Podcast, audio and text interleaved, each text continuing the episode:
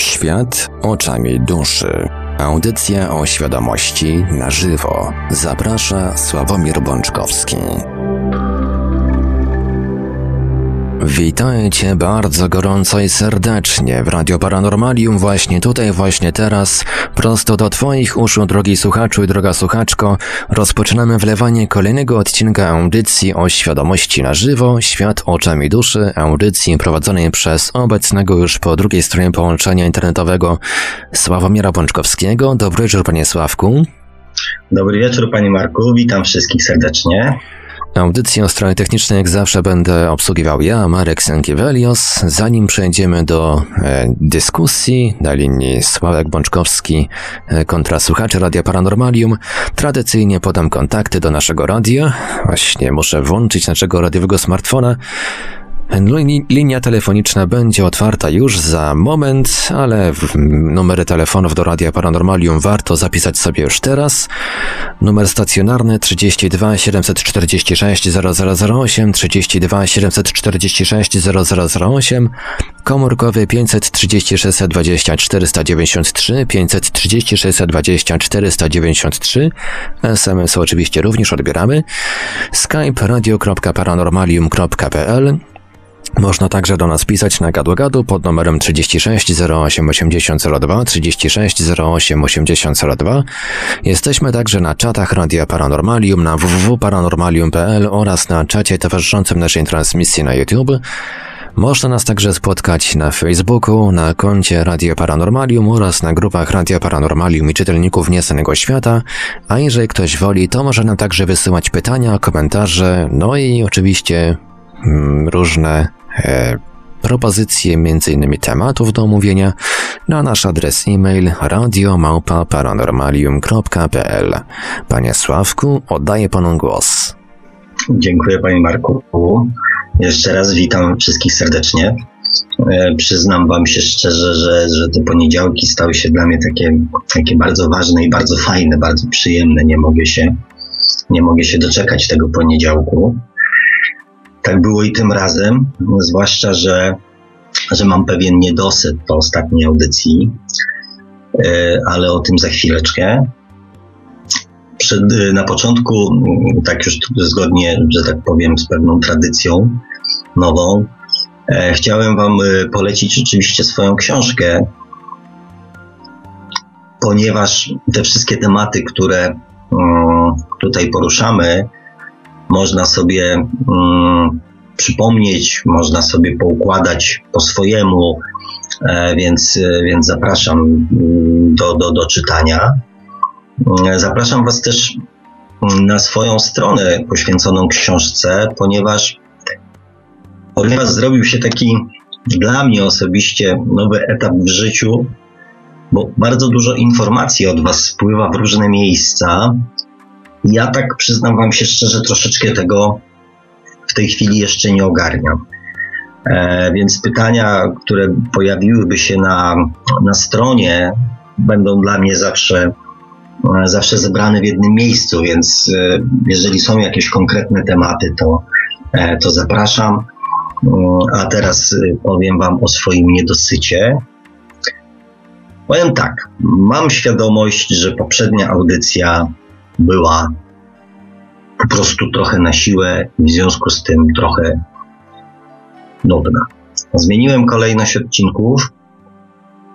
E, no i to chyba był, znaczy nie wiem czy błąd. To się, że tak powiem, okaże. Natomiast, no mówię, mam świadomość, że, że wie, wie, wiele tematów mogło być niezrozumiałych. Myślę, że zostaną zrozumiane po dzisiejszej audycji. A jak bardzo był, e, był to, że tak powiem, um, smętny odcinek, to, to się pojawił nawet e, komentarz Karen, że, że po prostu przysnęła, tak? I ja to całkowicie rozumiem. Natomiast jest też dobra wiadomość. Dobra wiadomość jest taka, że zakończymy, że zakończyliśmy w zasadzie etap taki ogólny, taki o mechanizmach, o boskim planie, o, o takich rzeczach bardzo ogólnych. Dzisiaj e, przejdziemy do tematu, jak ta świadomość i jak ta nasza dusza wpływa na nasze codzienne życie, na codzienne życie, codzienne wybory każdego z nas. Więc y, to już będzie taki bardziej personalny i myślę, że też mm, sami, sami znajdziecie też odpowiedź na wiele nurtujących Was y, pytań. Ale zanim oczywiście do tego przejdziemy, y, pozwolę sobie odnieść się jeszcze do ostatniego odcinka, bo to już jakby jest nasz wspólny twór.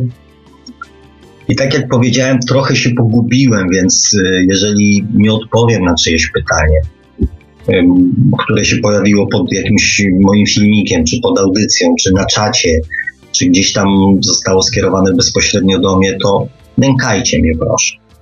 Nękajcie mnie, przypominajcie się i, jeżeli tylko będę w stanie um, na te pytania odpowiedzieć, to z chęcią z chęcią, z chęcią, że tak powiem, odpowiem z chęcią, e, powiem, że tak powiem, swoje zdanie. Obiecałem też mm, panu Adamowi, mam nadzieję, że nas słucha, e, że opowiem o jeszcze jednym proroku, ponieważ się tam pojawił w komentarzach wątek proroków. Oczywiście proroku oczami duszy, nie takim naszym ziemskim, e, nie takim naszym ziemskim zrozumieniu. I być może w związku z tym nazewnictwem część osób, część osób się ze mną nie zgodzi z tym, co powiem, ale takie jest prawo, e, prawo dyskusji, prawo poruszania tematów, które nie są w żaden sposób tak naprawdę udowodnione naukowo jeszcze. Powiedziałem Wam, że Bóg nie ingeruje w sprawy pojedynczych ludzi. Że cały plan jest związany jakby z całą ludzkością, z Ziemią. To jest plan, jak też po ostatnim odcinku zauważyliście, bardzo długofalowy.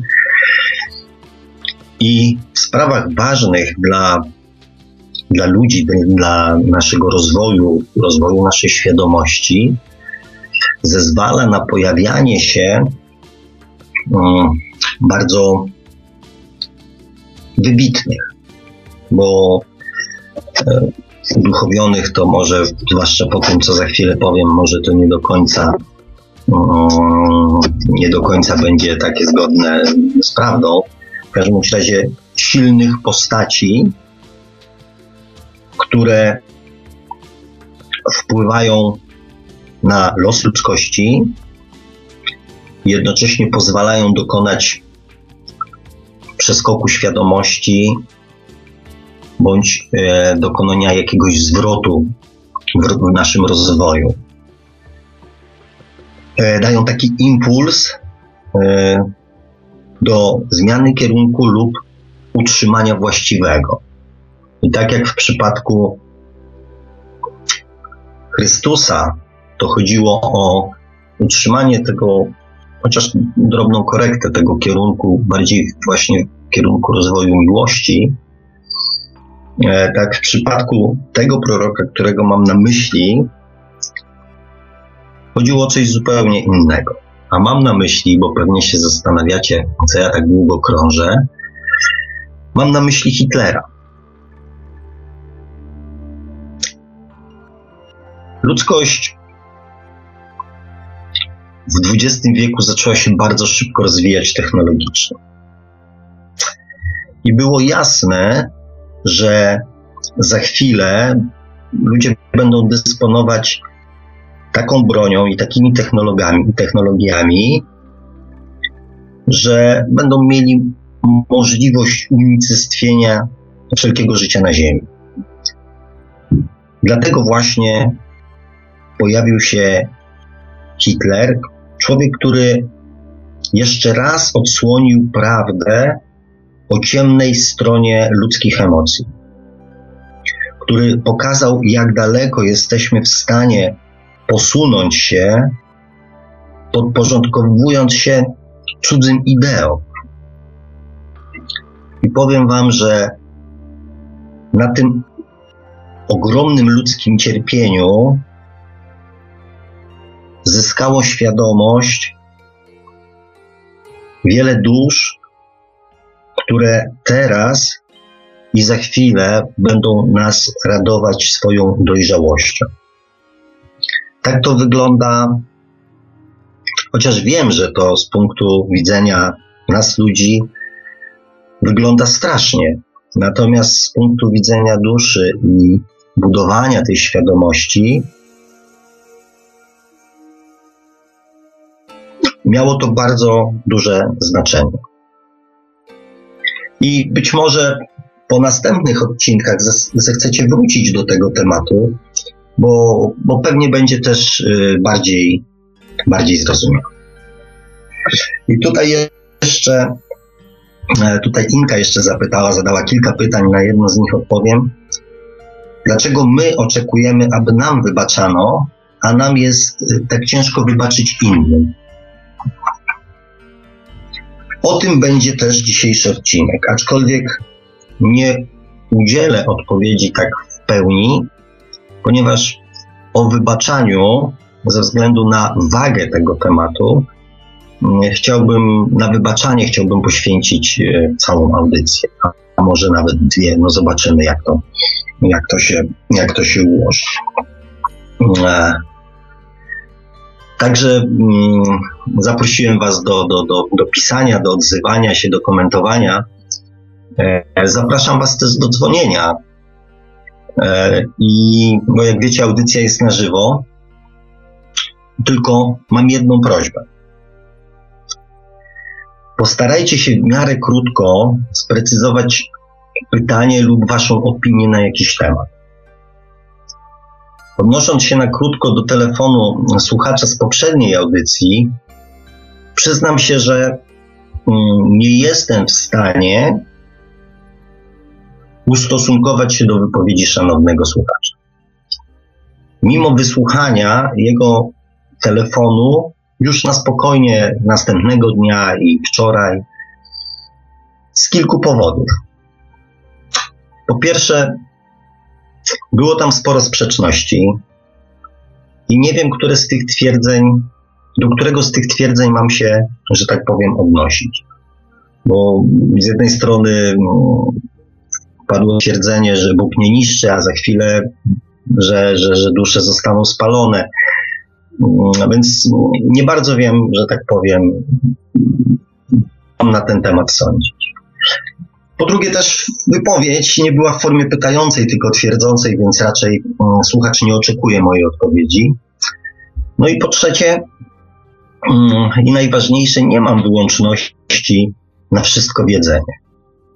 A pewne subiektywne i osobiste przekonania, w mojej opinii, nie podlegają e, jakiejkolwiek ocenie. Jeszcze jedna sprawa, ponieważ pojawiło się już po raz kolejny pytanie o dyskusje ufologiczne. To powiem Wam, że ja się zastanawiam, czemu znaczy, odpowiedź na to, na to pytanie nie udzielę, bo, bo to jakby bardziej pan Marek tutaj coś na ten temat wie. Nie jestem tutaj osobą um, odpowiednią do udzielenia na to odpowiedzi na to pytanie. Natomiast zastanawia mnie, czemu ludzie szukają w kosmosie obcych istnień i cywilizacji. Skoro my sami w sobie posiadamy, nosimy coś, co nie jest wytworem ziemskim i na pewno nie jest z tego świata. Tak naprawdę w części jesteśmy istotami nie z tego świata. Więc poszukiwaczom innych wymiarów um, polecam również podróż w głąb samego siebie, swojej własnej duszy. I uwierzcie mi, że to będzie podróż w inne wymiary. I to jakby w kwestii odpowiedzi. E, a teraz bierzmy się e, bierzmy się do roboty, bo samo się nie zrobi. Ja może jeszcze o tylko w kwestii, w kwestii debat ufologicznych bowiem słuchacze wypytują już na ten temat e, dosłownie wszędzie, gdzie się tylko da, mimo że jest komunikat wrzucony na stronę Radia Paranormalium, wyświetla się tuż pod logo. Wystarczy tylko wejść i przeczytać. No niestety niektórzy okazują się na tyle leniwi, że mi się po prostu nie chce nawet wejść, tylko wolą pod inną audycją pytać o inną audycję. Także no, ze strony Radia, Radio Paranormalium na takie pytania odpowiedzi nie będzie, ponieważ jeżeli komuś się nie chce wejść na stronę i przeczytać krótkiego komunikatu, no to cóż, po prostu się nie dowie. I tyle w tym temacie. Okej, okej. Okay. No więc y, mamy też odpowiedź osoby e, właściwej. Także ja bardzo dziękuję za wyręczenie, panie Marku. A teraz już y, wracając do, wracając do tematu naszej audycji, o czym będzie? O różnych poziomach świadomości. Jak Wam już mówiłem, nasza dusza inkarnuje się, by poznać całe spektrum ludzkich emocji. Przez co, tak jak ustaliliśmy, zwiększa swoją świadomość, bo tylko poprzez przeżywanie i doświadczanie e, wiemy, że znaczy doświadczając sami tak jakby na sobie, dokładnie rozumiemy emocje. Bo to, że czegoś nie wolno, albo że coś jest niewłaściwe, to wszyscy dokładnie wiemy. Natomiast póki nie spróbujemy nie przekonamy się na własnej skórze, jak to jest, to jest to dla nas tylko teorią, tylko wiedzą. Dlatego poprzez inkarnowanie się dusza, czyli tak jakby my również, zwiększamy swoją świadomość. To jest oczywiście tylko przypomnienie, yy, a tym, którzy zaczęli nas dopiero na przykład słuchać, polecam poprzednie odcinki audycji dostępne na YouTubie w celu nadrobienia zaległości, a my, my jedźmy dalej. Zresztą dzisiejszy temat e, nie będzie już tak pogmatwany jak poprzedni, więc, więc może nie trzeba będzie nic nadnawiać. Zastanawialiście się kiedyś, może, co decyduje o tym, jacy jesteśmy. Tak naprawdę, co, co decyduje. Oczywiście nie mam na myśli tutaj naszego wyglądu, tylko sferę naszych, naszych emocji, zachowań, reakcji, które występują w naszym codziennym życiu.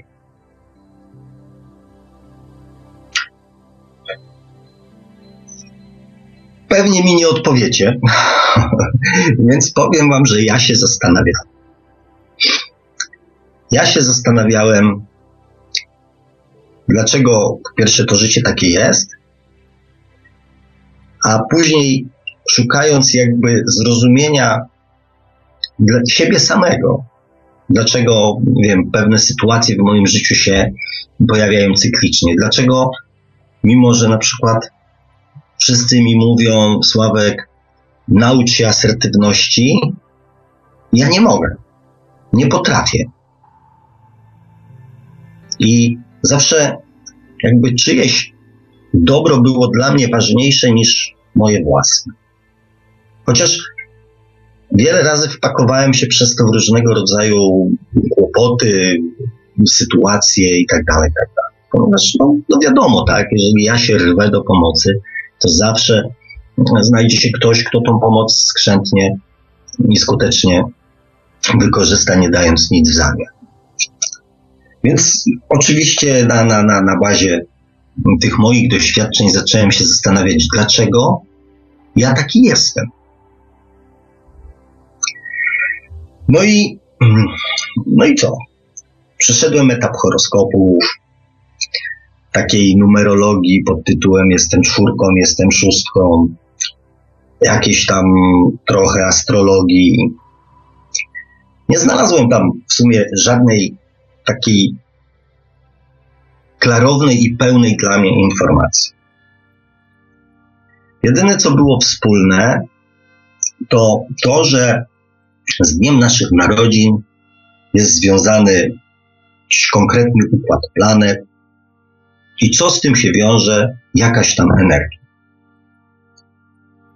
No niby okej, okay, ale coś mi tam jeszcze nie pasowało. No to oczywiście szukałem dalej. Później mówię na pewno podświadomość. No bo podświadomość to jest ten program, który wynosimy z domu, to wychowanie, czyli ten nasz taki jakby charakter. E, no i też jak ustaliliśmy, on ma bardzo duży wpływ na nasze, e, na nasze reakcje, na nasze zachowania. No dobra, to myślę sobie, jest ok, jest odpowiedź. Ale później tak sobie myślę, przecież mam dwie córki, urodzone tego samego dnia, z tym, że między nimi jest 6 lat różnicy. Więc układ planet, horoskop, yy, znaki zodiaku, wszystko się zgadza. Mało tego, ci sami rodzice, ten sam proces wychowawczy, te same wzorce, a kurczę inne. Mówię, no dobra. Może jednak przez 6 lat zmieniłem na przykład swój sposób podejścia do procesu wychowania. Może tak, ale później sobie tak myślę. Mam dwóch braci stryjecznych. Bliźniaków. I oni są urodzeni tego samego dnia co ja, tylko że 12 lat różnicy między nami jest. No więc okej, okay, to, że oni są ode mnie różni, no to rozumiem, bo jakby inna podświadomość, inne, inne wychowanie. Ale najgorsze jest to, że oni między sobą są różni. I to bardzo różni. Więc mówię, no jeszcze coś, jeszcze coś mi tutaj, e, jeszcze coś mi tutaj nie wiem. No więc szukałem sobie dalej i wpadłem na kalendarz Majów. I tu już mi coś się zaczęło, że tak powiem, wyjaśniać. E, chociaż okazało się w kalendarzu Majów, nie wiem, ci, którzy tam mają troszeczkę, słyszeli, zapoznali się, oparli, czy coś takiego, pewnie, e, pewnie wiedzą. Natomiast tym, którzy nie, nie, nie, mieli, nie mają o tym pojęcia. Kalendarz Majów składa się z 260, z 260 kinów narodzin. Na każdy dzień narodzenia jest inny kin.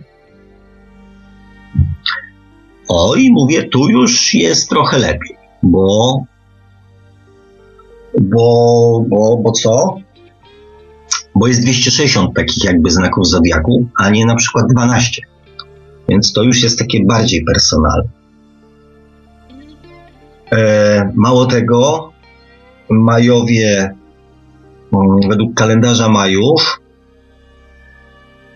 kin narodzin osoby urodzonej w tym roku jest inny niż kin osoby urodzonej tego samego dnia miesiąca w roku następnym i w roku poprzednim.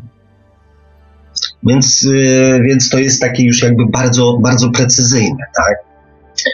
No i dobra.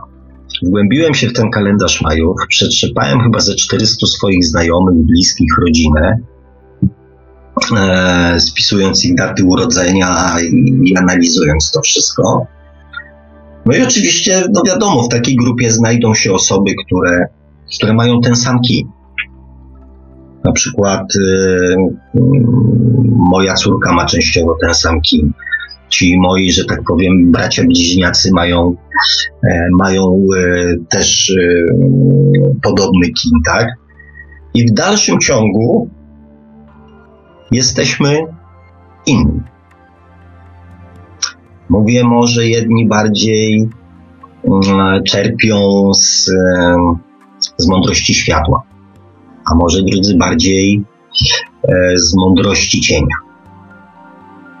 Bo Majowie tak określają tak zwane negatywne i pozytywne cechy charakteru i zdarzenia w naszym życiu. Nie ma zły i dobry, jest tylko mądrość światła i mądrość cienia. Czyli czerpiemy mądrość i doświadczenie z każdej sytuacji, którą przeżywamy. Chociaż z jednej strony, z punktu widzenia ludzkiego, ona jest zła, to i tak czerpiemy z niej mądrość.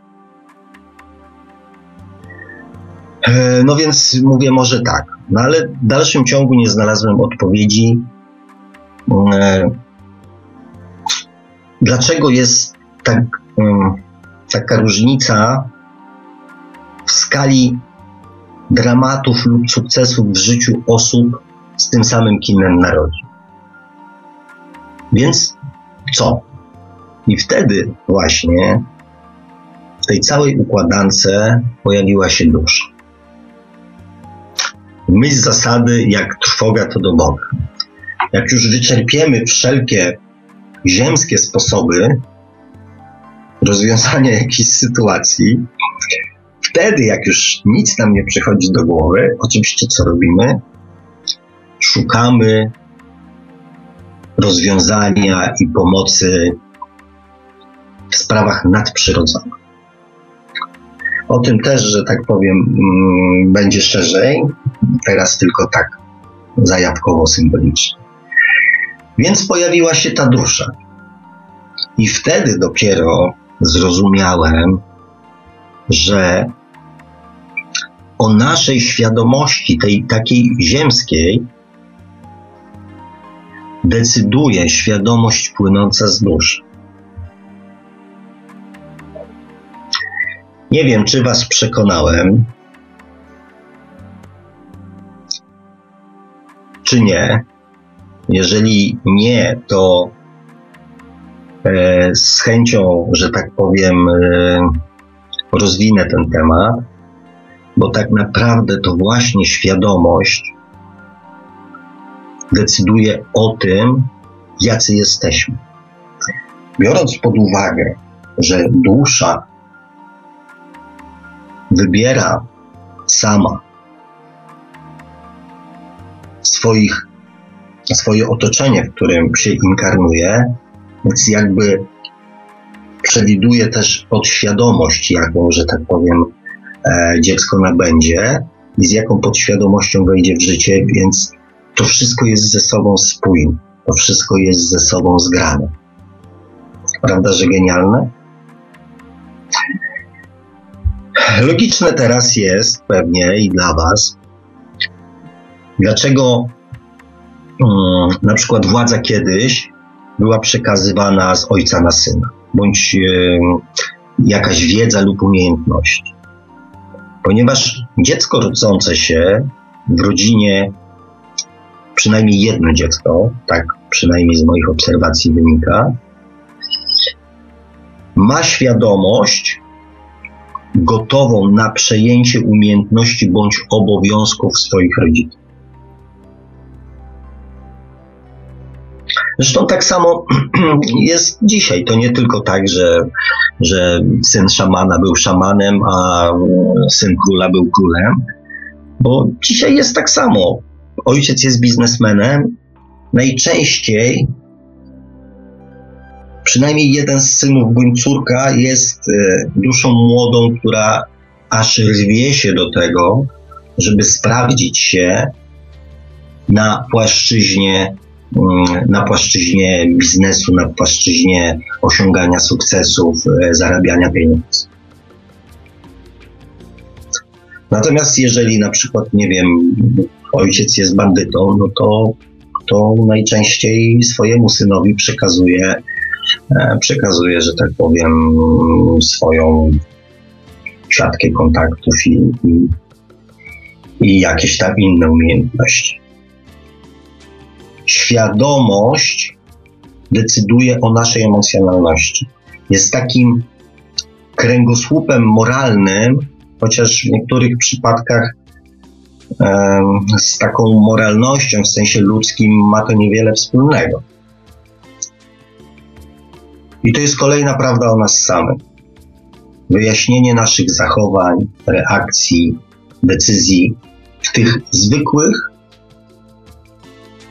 e, codziennych jakby sprawach. Jak to wygląda w praktyce?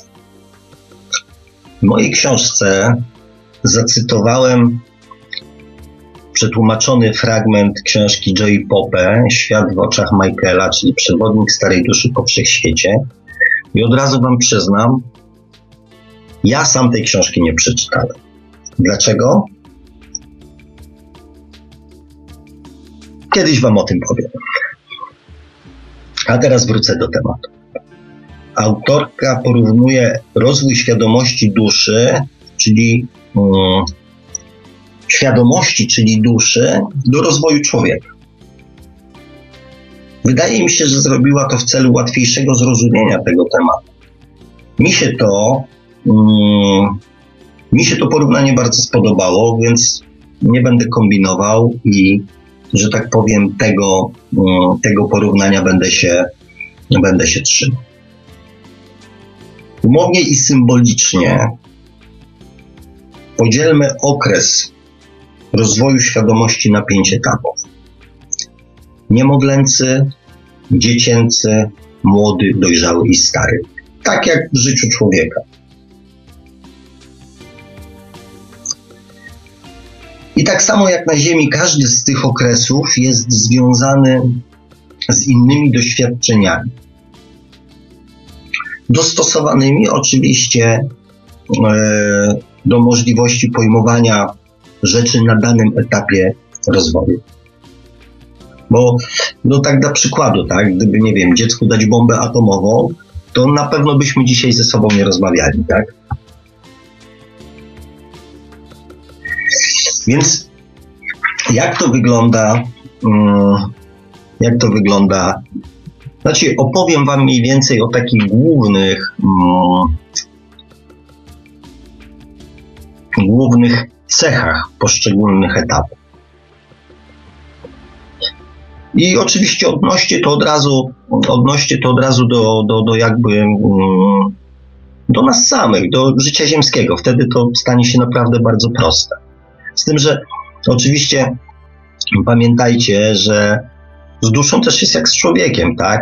Niemowlak, no niemowlak, no to jest niemowlak. Natomiast dzieckiem się jest mając, nie wiem, 3 lata, ale ma, mając też 11, 12, 15 też się jest dzieckiem, tak?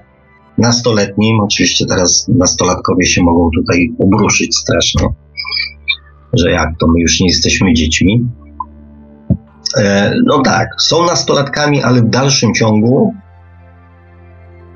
e, dziećmi z punktu widzenia, nie wiem, prawa, odpowiedzialności i też świadomości. I tak samo młody człowiek to jest młody człowiek, który, nie wiem, skończył studia i idzie do pracy. No i młody jest ten, który ma, ma, że tak powiem, nie wiem, rodzinę, dzieci i, nie wiem, 37 lat, tak? Czy 42. Chociaż, no dobra, 40 plus, no to może już jest ten okres dojrzałości, ale to jest też tej dojrzałości, kiedy człowiek już się nasycił tym takim e, życiem takim ziemskim, tą pogonią, tą, tym wychowywaniem dzieci, tym załatwianiem spraw, budowaniem domów, budowaniem swojej pozycji społecznej, zawodowej i tak dalej. I raptem staje, mm, staje przed lustrem i mówi, kurna, no i co z tego? No już mam to wszystko, tak? Mam syna, posadziłem drzewo, e, mam dom, i czegoś mi brakuje. No i jest też człowiek dojrzały, który hmm, już dokonał przewartościowania pewnych rzeczy. Już e, odnalazł troszeczkę samego siebie, już nauczył się e, siebie samego słuchać, tak? Już wie, że, że ziemskie rzeczy, mm, że nie tylko ziemskie rzeczy dają przyjemność, że do pełni szczęścia jest potrzeba e, jeszcze czegoś, jakiegoś celu, jakiegoś sensu.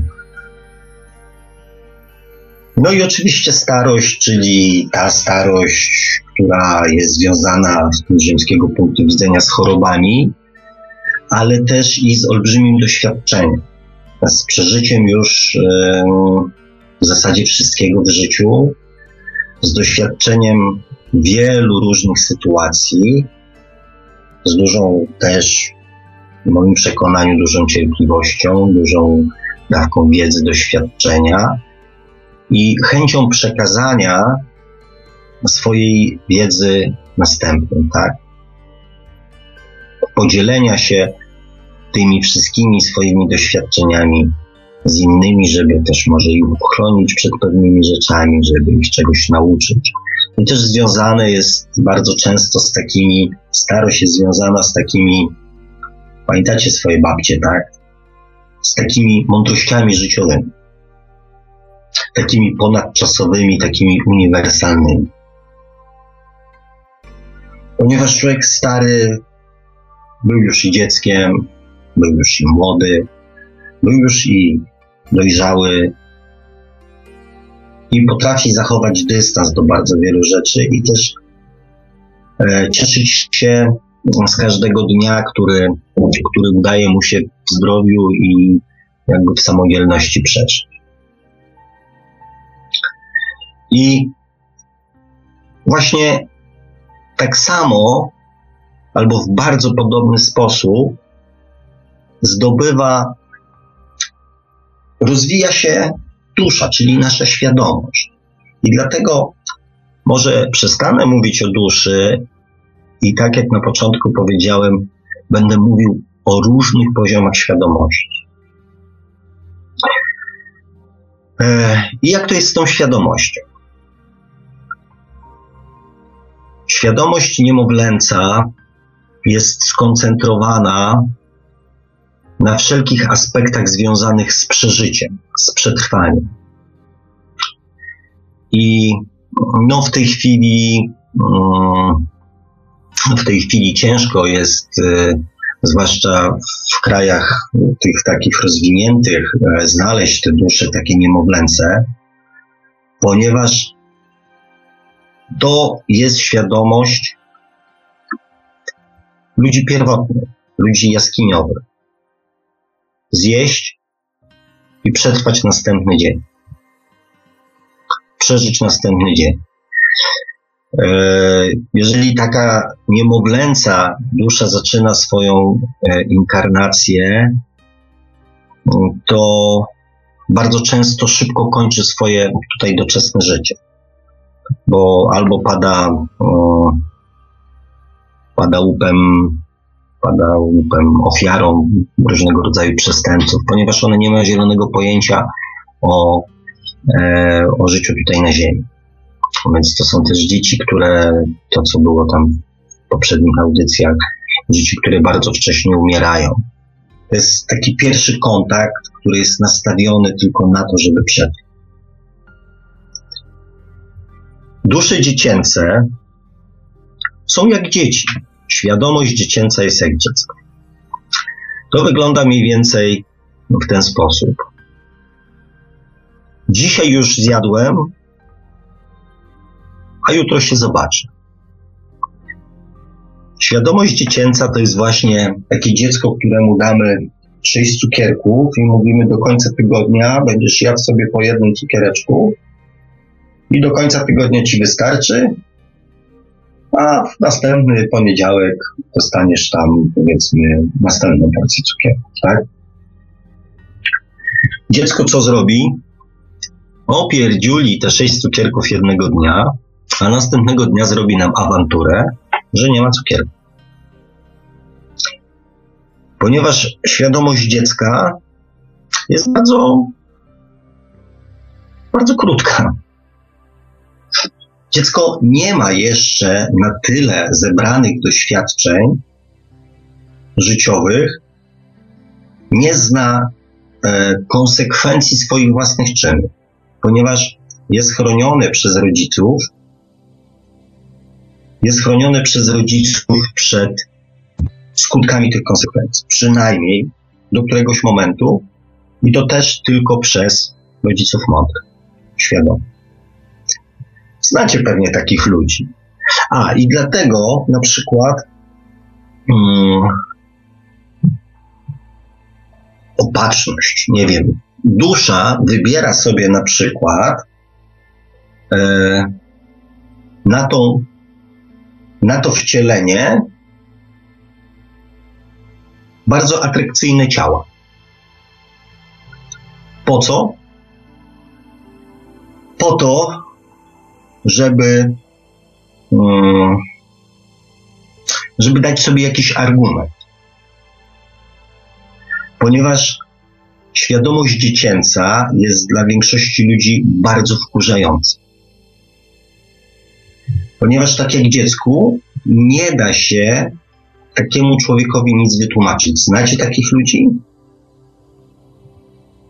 Którzy, nie wiem, potrafią wziąć pensję i przejeżdżać koło marketu i zobaczyć, że jest basen w promocji i pół pensji wydać na, e, na kolejną zabawkę, mimo że jest wrzesień albo październik. Albo ludzi, którzy, nie wiem, wszelkie możliwe pieniądze wydają na jakieś swoje przyjemności, zabawki e, i tak.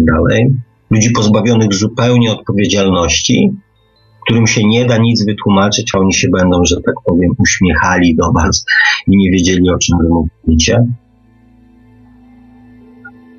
Kobiety, wiele takich atrakcyjnych fizycznie kobiet właśnie posiada dziecięce dusze, dziecięcą świadomość. Dziecięcą świadomość, która okazuje niezadowolenie, jeżeli ktoś zrobi cokolwiek inaczej niż ona chce. I ucieka do szantażu emocjonalnego, do łez, do płaczu, do wymuszania e, swoim niezadowoleniem e, tego, na co ma ochotę. To jest jeden aspekt. Drugi aspekt świadomości dziecięcej to jest taki, że te świadomości muszą funkcjonować w rzeczywistości, która jest w jakiś sposób zorganizowana, gdzie są jasno określone zasady, nieważne jakie. Ważne, żeby były jasne. Ważne, żeby były zrozumiałe, ponieważ świadomość dziecięca, ludzie ze świadomością dziecięcą nie są w stanie samodzielnie funkcjonować. Ponieważ się gubią, ponieważ są nieodpowiedzialni, tak jak dzieci, e, ponieważ nie wybiegają swoimi e, myślami dalej niż do końca danego dnia, a czasami też. Ja znam wiele przykładów e, dusz dziecięcych, ponieważ bardzo dużo e, bardzo dużo ich spotkałem na swojej drodze.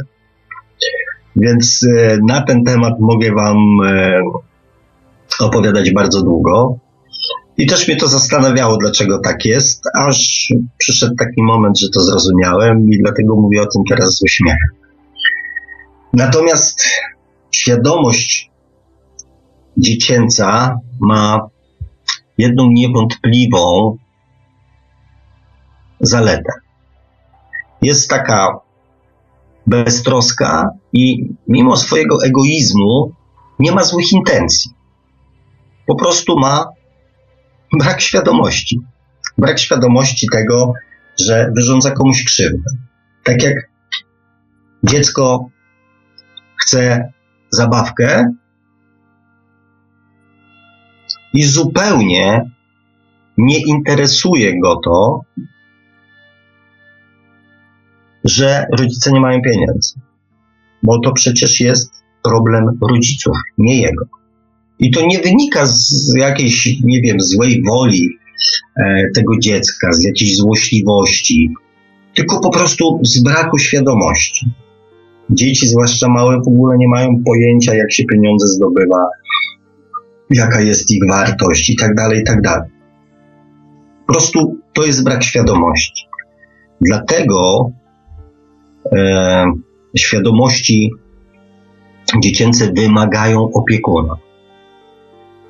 E, jeżeli dwie świadomości dziecięce spotkają się na swojej drodze i założą na przykład rodzinę, to bardzo często są to rodziny patologiczne.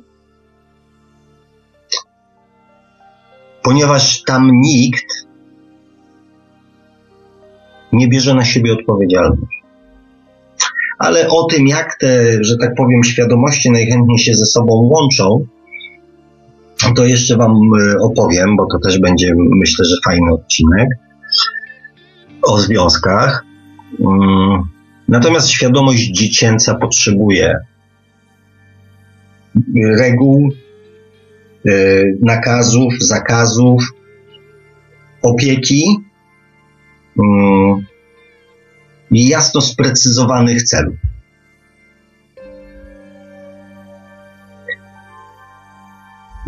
Natomiast oprócz tego, że jest wkurzająca dla większości ludzi, to jest nieszkodliwa. Mało tego, jest taka radosna, jest beztroska, ma taką fajną dziecięcą energię, która przyciąga, przyciąga ludzi e, do siebie. To są często bardzo takie towarzyskie, fajne, sympatyczne, wesołe osoby. Mające świetny kontakt zresztą z dziećmi, ponieważ e, mniej więcej na tym samym poziomie mm, emocjonalnym E, funkcjonują. Więc to by było tak o, że tak powiem, o, o duszach dziecięcych. Dusze młode, dusze młode, świadomość młoda, to są młode harty, które wchodzą w życie i wszystko wiedzą najlepiej. Im się nie da wytłumaczyć nic i wszystko, czego oni używają, co robią, jak robią, jest zawsze najlepsze.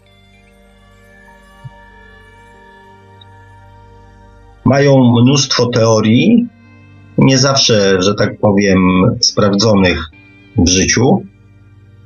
Natomiast i tak wszystkich będą przekonywali do swoich pomysłów i krytykowali wszystkich, którzy robią inaczej. I tutaj już ich egoizm jest świadomy. E, świadomość młoda dąży do podporządkowania sobie innych, ponieważ potrzebuje grona wielbicieli oraz grona ludzi, którzy za nią i na jej polecenia będą pewne rzeczy wykonywać. E, grona ludzi, na których ona będzie testowała swoje poglądy, co jest dobre, co jest złe. Natomiast to są ludzie, którzy nie boją się odpowiedzialności. Wprost przeciwnie, oni tej odpowiedzialności szukają. Oni chcą się nauczyć odpowiedzialności, dlatego nie boją się um, brania, brania tej odpowiedzialności. To są e, ludzie krzykliwi, hałaśliwi, którzy nie boją się mówienia, mówienia wypowiadania swoich poglądów. To są ludzie, którzy są żądni władzy, którzy są żądni sławy, którzy nie boją się stawania na pierwszych miejscach, nie boją się tłumów, ponieważ chcą całemu światu,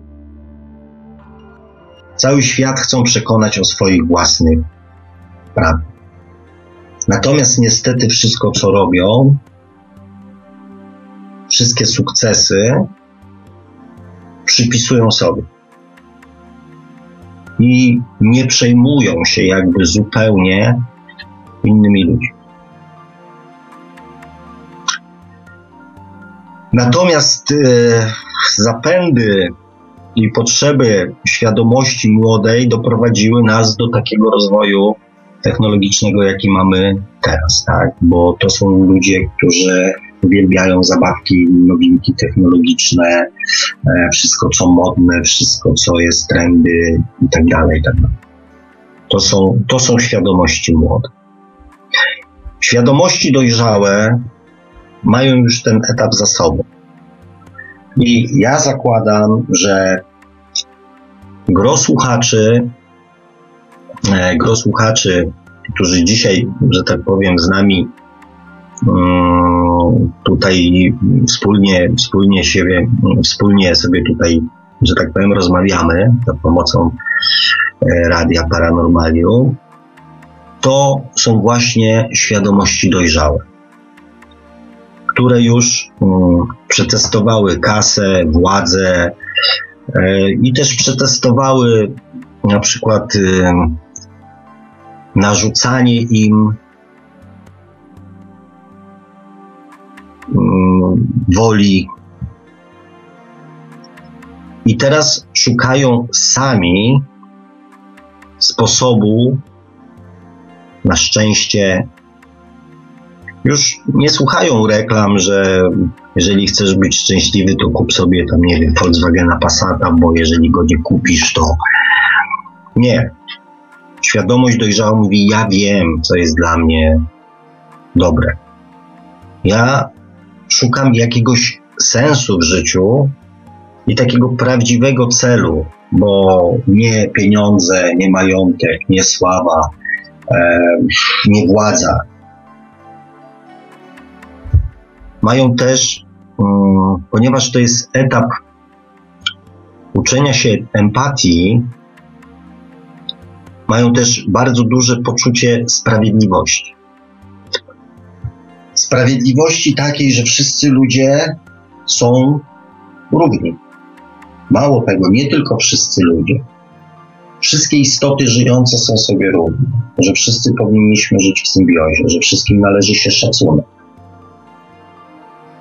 to są bardzo często ludzie, którzy walczą o prawa innych, pokrzywdzonych, uciśnionych. To są bardzo szlachetni ludzie, którzy e, odkrywają i uczą się współczucia, empatii.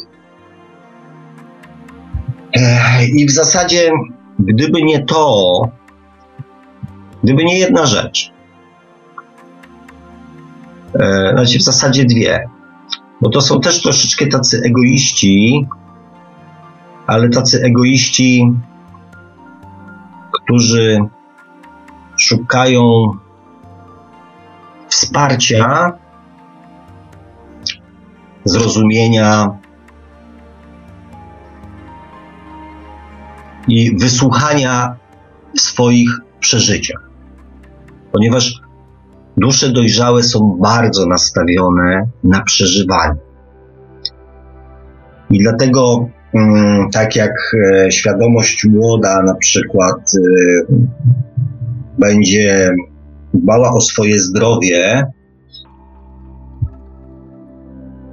zwłaszcza o takie, które wpływa na jego wygląd, o kondycję, o ładny wygląd, o ładną prezentację, o skórę, o włosy, tak? tak, świadomości dojrzałe mm, bardzo często chcąc doświadczać, pakują się sami jakby w choroby po to, żeby z drugiej strony gdzieś e, zobaczyć jak to jest. Też e, potrafią się wpakować w jakieś na przykład chore związki pod tytułem, że nie wiem, pani pielęgniarka w więzieniu poznaje więźnia i wychodzi za niego za mąż, tak? I liczy na to, że, że ona go naprawi, wyleczy, uzdrowi i, i, i, często pakują się właśnie w tego typu sytuacje, chcąc naprawiać świat, chcąc ratować ludzi, sami pakują się e, w różne sytuacje. No i niestety potrzebują słuchaczy którzy będą razem z nimi przeżywali te wszystkie przygody emocjonalne, cierpienia, przeżycia, zawody miłosne itd. To, to tak e, o tych świadomościach dojrzałych. O świadomościach starych Wam nie powiem. Nie, żartuję oczywiście.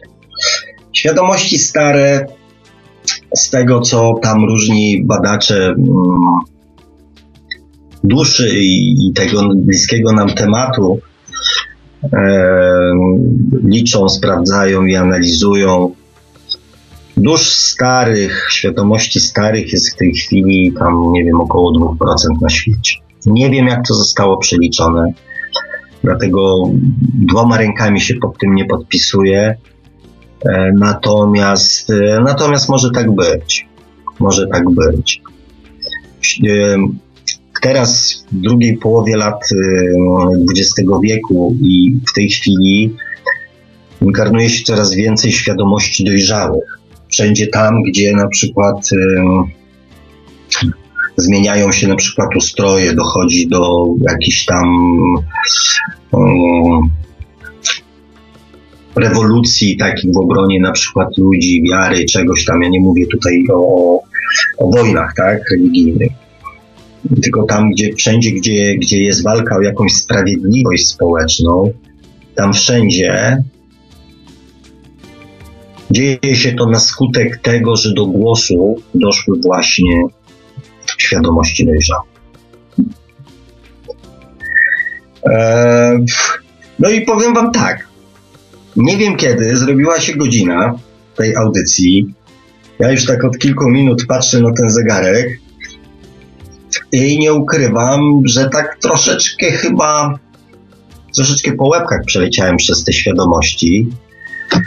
E, troszeczkę po łebkach przeleciałem przez te świadomości, ale mm, mam nadzieję, że przy okazji następnych, e, następnych e, tematów bo następny temat, jeżeli oczywiście nie będzie zapotrzebowania, żeby rozwinąć to, temat różnych poziomów świadomości, mm, to chciałbym się zająć związkami, ponieważ mm, ponieważ no to jest taki temat, który nas najbardziej boli. Dzieci i związki to są dwa, i pieniądze to są trzy takie tematy, które, e, które nas e, najbardziej bolą, aczkolwiek e, pieniądze jakby się ogarnia, przynajmniej w większości przypadków tak ludzie myślą, że ogarnia się w innych sferach. Mm, natomiast, natomiast świadomości na, na, na, na posiadanie pieniędzy też jest olbrzymi, ale o tym to, to jakby przy okazji. Natomiast o związkach, bo to z tego, co z ludźmi rozmawiam, to zawsze się zastanawiałem, dlaczego, dlaczego mój związek wygląda tak, jak wygląda. Dlaczego jestem, nie wiem, niezadowolony, nieszczęśliwy, nie w pełni, e, że tak powiem, spełniony w danym związku. E, więc, e, więc o związkach z punktu widzenia różnych poziomów świadomości porozmawiamy za tydzień. A teraz jeszcze wrócę do poprzedniej audycji, bo mam nadzieję, że po tym wyjaśnieniu, że te różne poziomy świadomości mają tak naprawdę jakieś tam znaczenie, na, znaczy kolosalne znaczenie na nasze zachowanie, może łatwiej będzie zrozumieć to, co mówiłem, że my jako ludzkość przeszliśmy już ten etap świadomości niemowlęcej, czyli te pierwsze, e, pierwsze lata naszego istnienia z duszą, to było właśnie powiedzmy ta umowna epoka kamienia upanego, kiedy siedzieliśmy w jaskiniach i kombinowaliśmy tylko, żeby przeżyć następny dzień.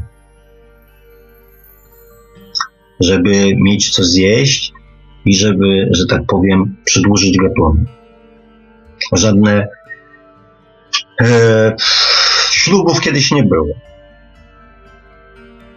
Mm, chrzcin ani osiemnastek, tak? E, więc e, to był właśnie ten etap, tak właśnie wygląda etap świadomości niemowlęcej w praktyce. Świadomość dziecinna to był ten okres, kiedy ludzie zajmowali się uprawą, hodowlą, drobną e, produkcją, nie wiem, prostych przyrządów do, do tego, żeby przetrwać, tak? Kiedy e, wioska czy, czy, czy, czy, czy mm, plemię było reprezentowane przez grupę ludzi, na czele którego oni wybierali najstarszego, który miał jakby taki ostateczny głos, gdzie wszystko odbywało się według jasno określonych reguł, gdzie nie było potrzeby zdobywania następnych terenów, gdzie nie było walki, ponieważ ludzie byli skoncentrowani na tym, żeby wypełniać dobrze swoje obowiązki i nie mieli aspiracji do, do walczenia między sobą. Bo po co? Mieli co jeść, mieli się co ubrać, mieli gdzie mieszkać. Nic więcej. Tak jak dziecku, chociaż tu akurat pewnie przesadziłem, zwłaszcza ci, którzy mają dzieci w wieku kilkunastu lat, to, to nie te czasy, tak. Natomiast świadomość dziecięca jest taka, że nie potrzeba mi więcej niż to, co mam. Bylebym miał gdzie spać, bylebym miał co zjeść, bylebym miał e, jakąś tam opiekę i jasno sprecyzowane zasady funkcjonowania. I następny etap, ten najbardziej taki właśnie krwiożerczy, taki najbardziej morderczy, najbardziej brutalny, to był okres ludzkości, okres świadomości młodych. Walki w imię nie wiadomo czego podporządkowywania i wykorzystywania ludzi, mordowania w imię tego, że ktoś złamał moje, że ktoś ma inne poglądy niż ja. Tak właśnie wygląda w perspektywie całego świata, całej ludzkości świadomość, e, świadomość młoda. No i w tej chwili e, wchodzimy w ten etap świadomości dojrzałej, kiedy wszyscy są, zaczynają być równi, wszyscy mają równe prawa, wszyscy mają prawo głosić swoje poglądy, wszyscy od y, powiedzmy o poglądach to może nie, zagalopowałem się, ale tak samo powiedzmy e, trawa, czy drzewo, czy zwierzę ma prawo funkcjonowania i życia na tej ziemi jak, e, jak i człowiek. Więc jak widzicie, zapowiada się dość ciekawy mm, okres w dziejach ludzkości. E, no i co? Cieszmy się, że, że przyszło nam w tym okresie również się tutaj na Ziemi inkarnować. Kochani, e, rozgadałem się, e, rozgadałem się. Oczywiście mógłbym jeszcze, więc jeżeli mówię, będziecie chcieli, żebym rozwinął ten temat, jestem do Waszej, że tak powiem, dyspozycji. Mówcie, piszcie, pytajcie. E, no i tyle, no. I, I Panie Marku, co tam słychać? No, słychać tutaj tyle, że się pojawiło kilka pytań, niezwykle interesujących na czacie. Ja oczywiście panu tak. te pytania wszystkie wysłałem na, na, na Messengerze. E, może przypomnę kontakty do Radia Paranormalium, bo audycja jest realizowana w całości na żywo. Można do nas dzwonić, oczywiście. Nasze numery telefonów to 32 746 0008, 32 746 0008, komórkowe 536 20 493, 536 20 493, skype radio.paranormalium.pl. Można także pisać na e, Gadu gadu pod numerem 36 08 80 02 36 08 80 02 Eee, nie wiem, czy czaty już podawałem. Przepraszam, troszkę tutaj siedzę tuż przy kaloryferze. Moje studio jest akurat tak zbudowane, że kaloryfer mam pra praktycznie pod ręką dosłownie. E, więc troszkę jest gorąco, troszkę tutaj ko koncentracja czasem mi siada z tego powodu. E, czaty Radia Paranormalium to oczywiście www.paranormalium.pl oraz czat towarzyszący naszej transmisji na YouTube.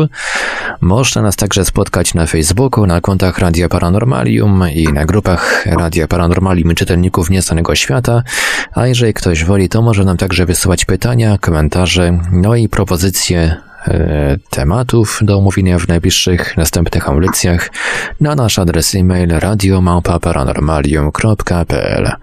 Tutaj jeden ze słuchaczy na czacie na www.paranormalium.pl napisał Czemu tak mało o starych duszach? E, czemu tak mało o starych duszach? To w sumie to nie wiem. W sumie to nie wiem. Ale jeżeli jest takie zapotrzebowanie, znaczy, moim zdaniem to stare dusze już jakby same się, e, same się mm, logicznie, że tak powiem, w tym, e, w tym moim opisie powinny wyłonić. E, ja mm, obiecuję, że do starych dusz mm, wrócę do starych dusz wrócę w przypadku mm, znaczy w tematyce, kiedy będę poruszał związki, kiedy będę poruszał pracę, kiedy będę poruszał dzieci, kiedy będę poruszał e, pasję, czyli świadomość, a te wszystkie, że tak powiem, rzeczy e, codzienne, e, to wtedy więcej mm, jakby tak za każdym razem coś tam więcej o tych starych duszach. Obiecuję. E, tutaj. Tak, właśnie pytania z, z czatów. Na właśnie tak, tak, tak. Właśnie odpaliłem Messengera i sobie czytam. Um, Karen się tłumaczy, oczywiście żartowałem żartowałem, bo tutaj jest odpowiedź, że przysnęła mnie dlatego, że audycja była nudna, tylko dlatego, że słuchałam późno, e, późno po pracy. To ja od razu mówię, ja wykorzystałem po prostu ten komentarz do wytłumaczenia się, e, że, że troszeczkę mówię, tamta audycja była taka, no nie byłem z niej aż tak bardzo zadowolony. O, powiem tak. Ale broń Boże, do nikogo nie mam pretensji. Tak też podejrzewałem, że, że, pewnie, że pewnie nasza słuchaczka była po prostu zmęczona. Znaczy miałem taką nadzieję. E, no tutaj pan e, Adam, telefon był zdecydowanie stwierdzeniem, a nie pytaniem. Dziękuję panie Adamie. E... Chyba, chyba przez ten telefon przemawiał strasznie głośno ego tego pana, który dzwonił. Panie Marku, ja myślę, że to wszyscy, którzy słuchali jakieś tam swoją, że tak powiem, y, opinię y, na ten temat mają. Y, ja przyjdzie, dojdziemy do takiej audycji, w której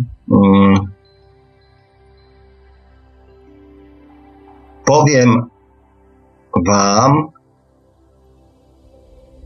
co zrobić, żeby nie pakować się w następne kłopoty karmiczne. Ponieważ po tych pierwszych trzech audycjach można było wyciągnąć taki wniosek, że w sumie Pan Bóg, Stwórca, ma w nosie pojedynczego człowieka.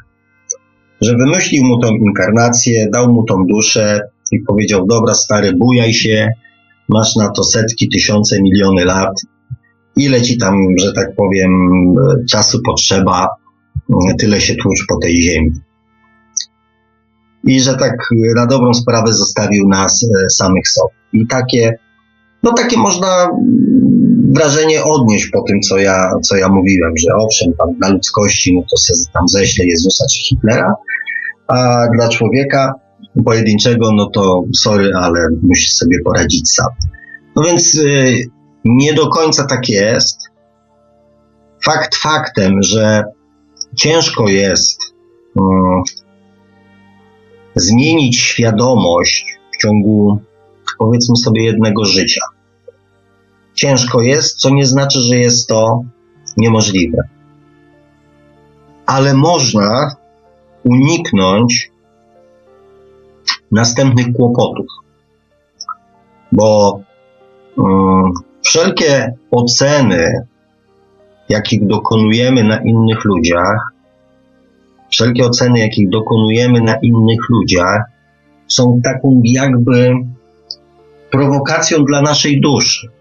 Na zasadzie, taki jesteś mądry, no to pokaż cwaniaczku, pokaż cwaniaczku, jak ty sobie, jak ty sobie z tą sytuacją poradzi.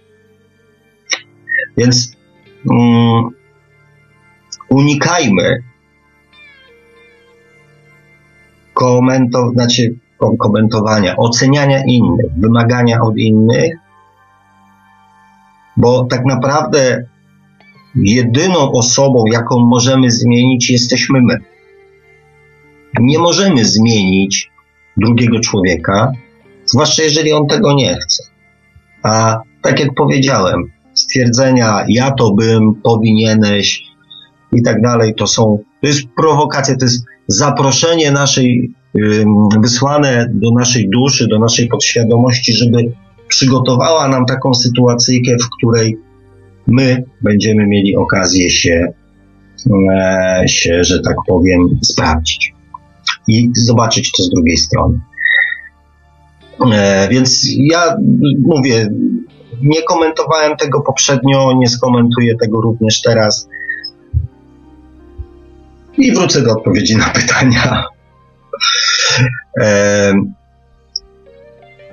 e, jedynaki też mają świadomość dziecięcą.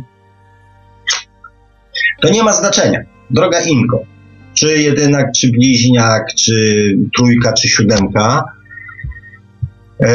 nasza świadomość, mm, nasza świadomość zależy od tego, ile razy e, żeśmy się inkarnowali, jak duży bagaż doświadczeń żeśmy zdążyli zebrać poprzez te swoje dotychczasowe inkarnacje.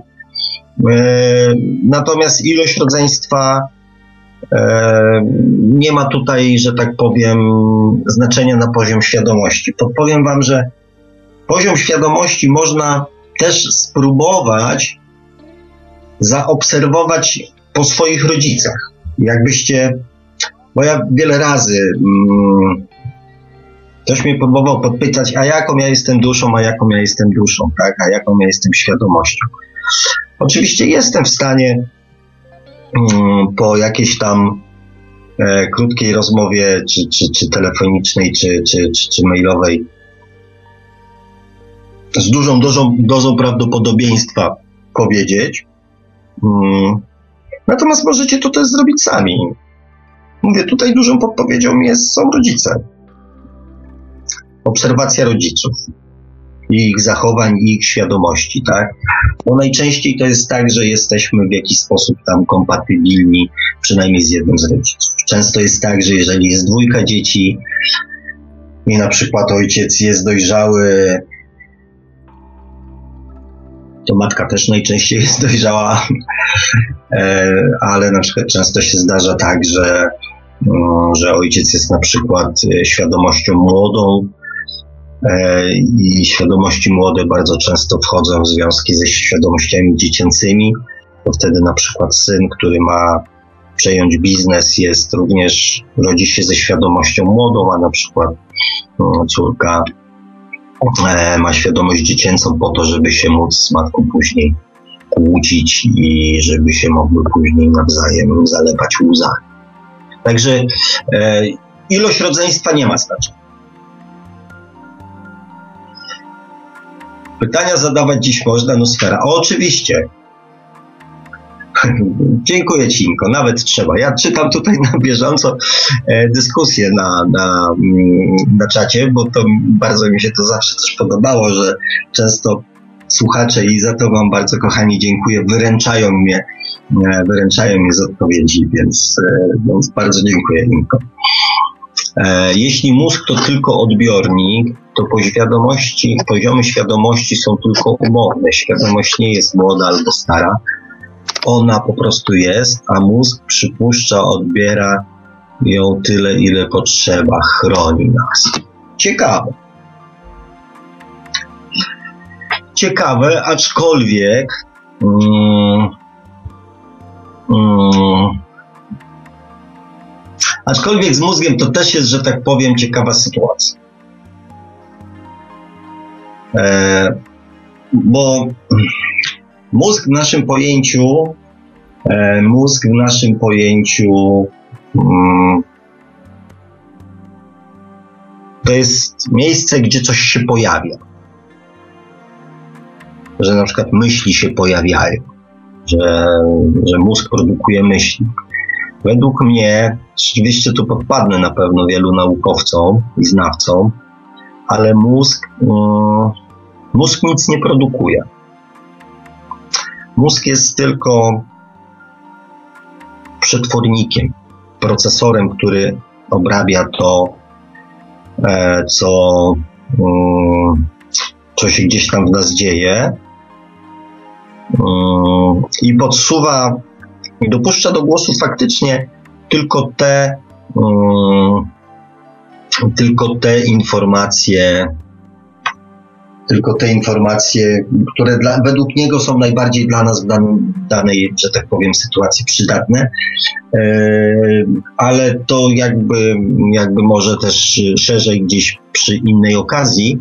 E, natomiast e, świadomość nie jest młoda albo stara. No, tu się niestety nie do końca zgodzę, ponieważ tą pełną świadomością, znaczy to poniekąd poniekąd to by się tak trochę zgadzało, bo tą pełną świadomością jesteśmy po śmierci.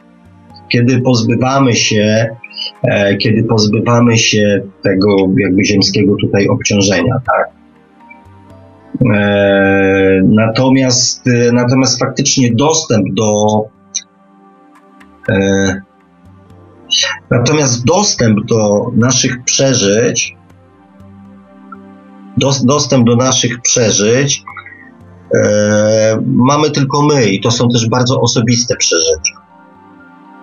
Więc jakby mm, ta świadomość jest trochę spersonalizowana, bo inaczej mielibyśmy dostęp jakby do, mm, do całego, nie wiem, do całego bagażu i do całego, e, do całej wiedzy wszechświata. O tak. Natomiast tak, mózg w pewnym sensie chroni nas przed natłokiem informacji, ponieważ nie bylibyśmy w stanie e, tego w tej chwili obrobić. Ponieważ nas, nasz mózg jeszcze zbyt wolno pracuje, e, by można to było wszystko obrobić. Ja miewam czasami takie, e, takie myślopędy i powiem Wam szczerze, zwłaszcza tym, którzy o tym marzą, że chcieliby tam coś, to uwierzcie mi, że lepiej dochodzić do tego powoli, mm, bo, bo to są takie sytuacje, kiedy myśli się o siedmiu rzeczach naraz, wie się siedem rzeczy naraz, tak, z różnym zupełnie jakby płaszczyzn życia i nieżycia. No i trzeba się tak troszeczkę nauczyć to z tym żyć. O tak. Eee, Także Nusfero, ja, ja, się, ja się w pewnej mierze, że tak powiem, z Tobą zgadzam. Zwłaszcza jeżeli chodzi o, e, o to, że mózg nas chroni. Ja nie wiem dokładnie, czy to jest mózg. Tak? Czy to jest e, czynność mózgu, ale na pewno jest coś, co nam, e, co nas chroni przed, przed dostępem do tych informacji. E, dobrze.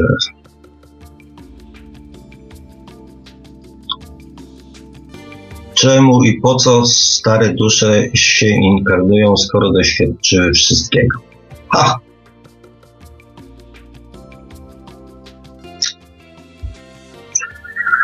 Oh, znaczy, po co? Chociażby po to, żeby przekazać swoją e, wiedzę innym. Stare dusze są pewnego rodzaju strażnikiem um,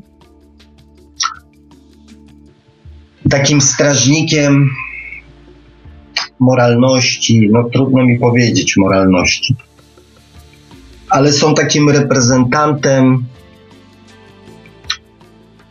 zasad, um, z którymi mamy do czynienia po tamtej stronie. Więc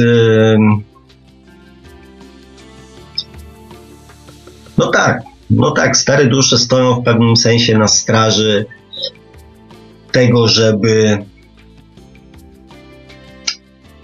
no żebyśmy się mm, całkiem nie, nie zagubili poprzez właśnie przekazywanie swojej wiedzy, poprzez takie często prowadzenie ludzi gdzieś tam za, za sobą, poprzez udzielanie pomocy, poprzez przypominanie tych uniwersalnych prawd i mądrości, no w jakiś sposób, e, w jakiś sposób wpływają i, i poszerzają świadomość ludzi, świadomość, tak, bo, bo stare dusze nie mają wpływu, wpływu na świadomość duszy, ale na świadomość tą ludzką taką mają wpływ. Aczkolwiek też stare dusze emanują specyficznym sposobem energii, spe, nie sposobem, tylko rodzajem energii, która umożliwia szybszy przeskok świadomości. Tak było na przykład w przypadku e, Chrystusa czy, czy Buddy, kiedy w ich obecności kiedy w ich obecności ich uczniowie bardzo szybko, bardzo szybko e, dostawali różnego rodzaju, że wiem, olśnień, doznań i tak dalej, tak, ponieważ no, w obecności starych dusz, zwłaszcza tych takich, takich wybitnych, jest to możliwe. Jest możliwa transformacja podświadomości w trybie powiedzmy e, przy, przyspieszony. Mam niedosyt, jeśli chodzi o stare dusze. No widzę, że mnie tutaj tak. E, widzę, że mnie to wszyscy przekonują jednak e, do tego, żeby ten temat mm, kontynuować.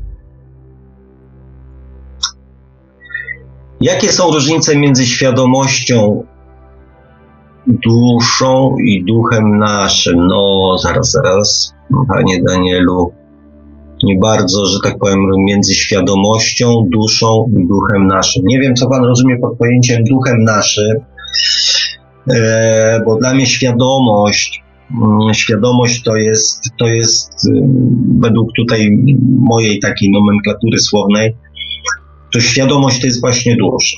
Że świadomość, tą świadomość taką prawdziwą, nieświadomość tego, że monitor y, jest prostokątny, bo to jest jakby wiedza, tylko tą świadomość, tą świadomość emocjonalną właśnie uzyskujemy z duszy, z, z jej doświadczeń, ponieważ my jako ludzie nie bylibyśmy w stanie w ciągu jednego życia tego wszystkiego przeżyć, tak? Biedy, bogactwa, władzy, e, ofiary, morderstwa i tak dalej, i tak dalej, tak?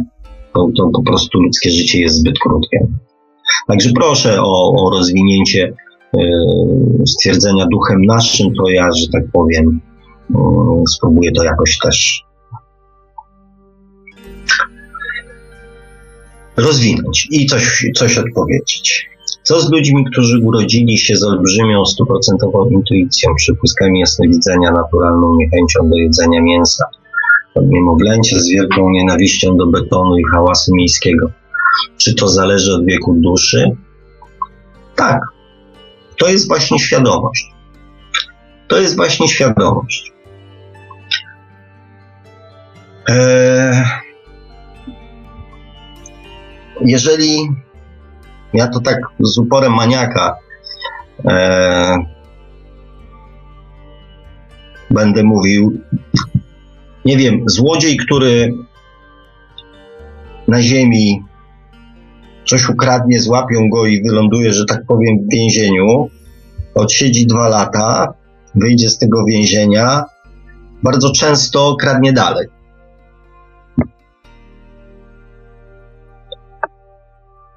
I to jest ludzki upór, to jest podświadomość.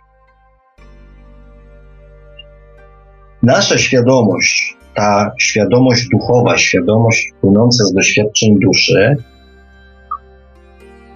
różni się tym, że po to wchodzimy w różnego rodzaju doświadczenia i sytuacje życiowe, żeby spróbować, jak to jest z jednej, z drugiej, z trzeciej, z czwartej strony i więcej tego nie robić. Ponieważ świadomość, ta cząstka duchowa nasza, ma um, taką jakby konfrontację z idealnym wzorcem. I tam natychmiast następuje, następuje weryfikacja. Więc, e, więc e, ta świadomość, jeżeli już coś żeśmy, że tak powiem, nie wiem, przerobili, tak, jeżeli już czegoś doświadczyliśmy, to już dusza to zapamiętuje i nie potrzebuje przerabiać tego po raz kolejny. Oczywiście pod warunkiem, że nasza podświadomość się, że tak powiem, nie uprze. Bo tak naprawdę um, wolna wola, wolna wola człowieka zaczyna się od etapu, od etapu dojrzałości, świad y, dojrzałej świadomości. I teraz, y, bo na etapie niemowlęcym, na etapie dziecięcym na etapie młodym jesteśmy podporządkowani naszej podświadomości i pewnym regułom narzuconym nam przez świat fizyczny. Dopiero pewne konfrontacje na etapie dojrzałości, konfrontacje ze stroną duchową dają nam pełniejszy pogląd na sytuację na wszystkich płaszczyznach. I wtedy tak naprawdę możemy dopiero decydować, czego chcemy. Czy chcemy zostać mnichem, czy chcemy zostać biznesmenem. Tak naprawdę wolna wola zaczyna się e, pojawiać na etapie dojrzałości, dojrzałej świadomości.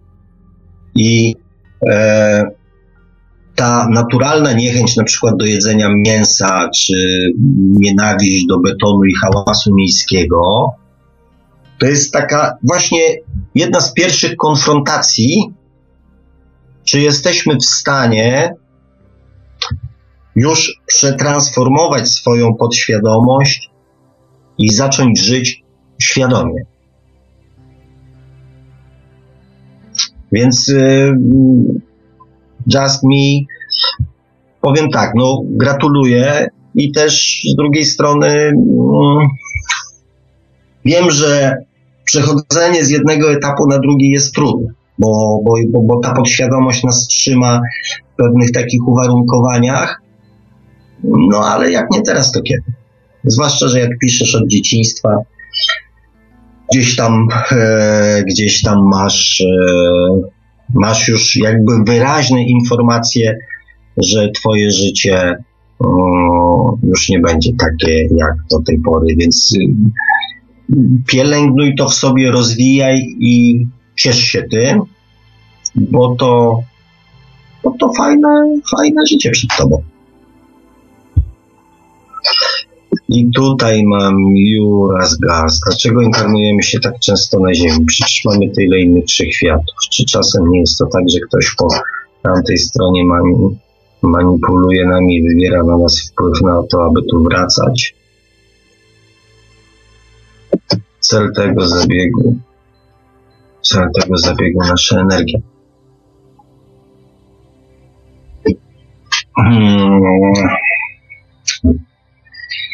Manipuluje. No więc właśnie. Problem jest też w tym, że my próbujemy tamtą stronę. Hmm, to jest właśnie takie troszeczkę nasze ziemskie ego, że my tamtą stronę próbujemy interpretować według wzorców tutaj ziemskich. To troszeczkę tak, jakbyśmy myśleli, że to my stworzyliśmy wszechświat, a nie wszechświat stworzył nas. Jakbyśmy myśleli, że to wszystko we wszechświecie jest stworzone na obraz i podobieństwo Ziemi. No, no tak nie jest.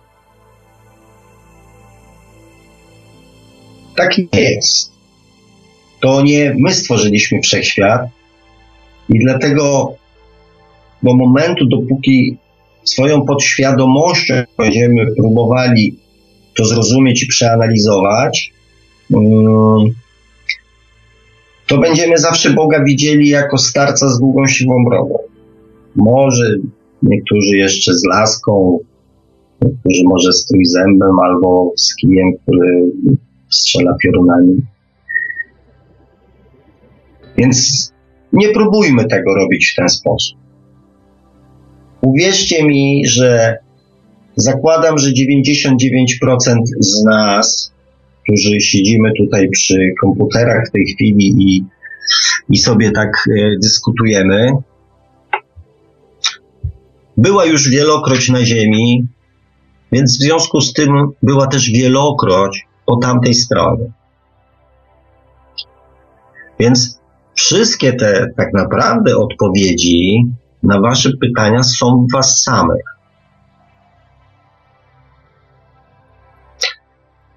Więc yy, ja z chęcią pewną wiedzę usystematyzuję i e, przekażę i pomogę i wesprę. Natomiast pamiętajcie, że etapu doświadczania za Was nie zrobię. To musicie zrobić sami.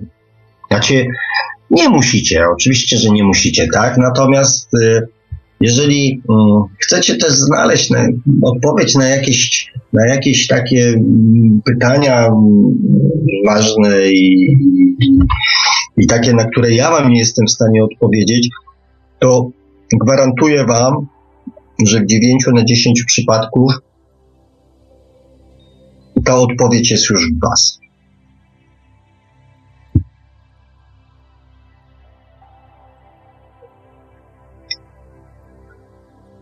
tutaj Superman, nie będę, że tak powiem, odnosił się do jego, do jego odpowiedzi, aczkolwiek nie, nie, nie do końca się zgadzam, bo inne przyzwyczajenia mają ludzie z Afryki, a inne z Europy. Oczywiście, że tak, ale też i w Afryce e, i w Europie mm, funkcjonują też inne świadomości, e, inne świadomości. I te dusza wybiera jakby inkarnację w Afryce, dlatego że, mm, że na przykład jest na etapie e, świadomości dziecięcej i, mm, i już nie ma zbyt dużo wolnych, e, wolnych, że tak powiem, e, ciał, które można by było zasiedlić w Europie, więc na wczesnych etapach swojego rozwoju wolą E, wolą internować się w Europie, w Afryce, ponieważ tam są, e, tam są lepsze ku temu warunki. E, nie ma takich wymagań, nie ma takich oczekiwań, nie ma takiej presji. I to jest wybór duszy, gdzie się, że tak powiem, internuje. A reszta jest już tylko następstwem jego, tej, tego wyboru. Także.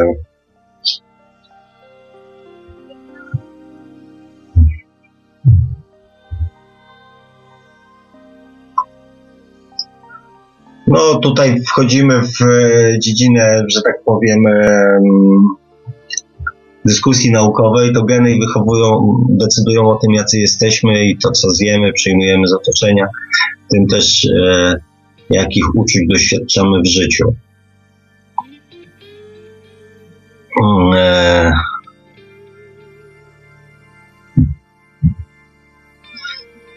no i tutaj jakby jakby odniosę się do tego w ten sposób.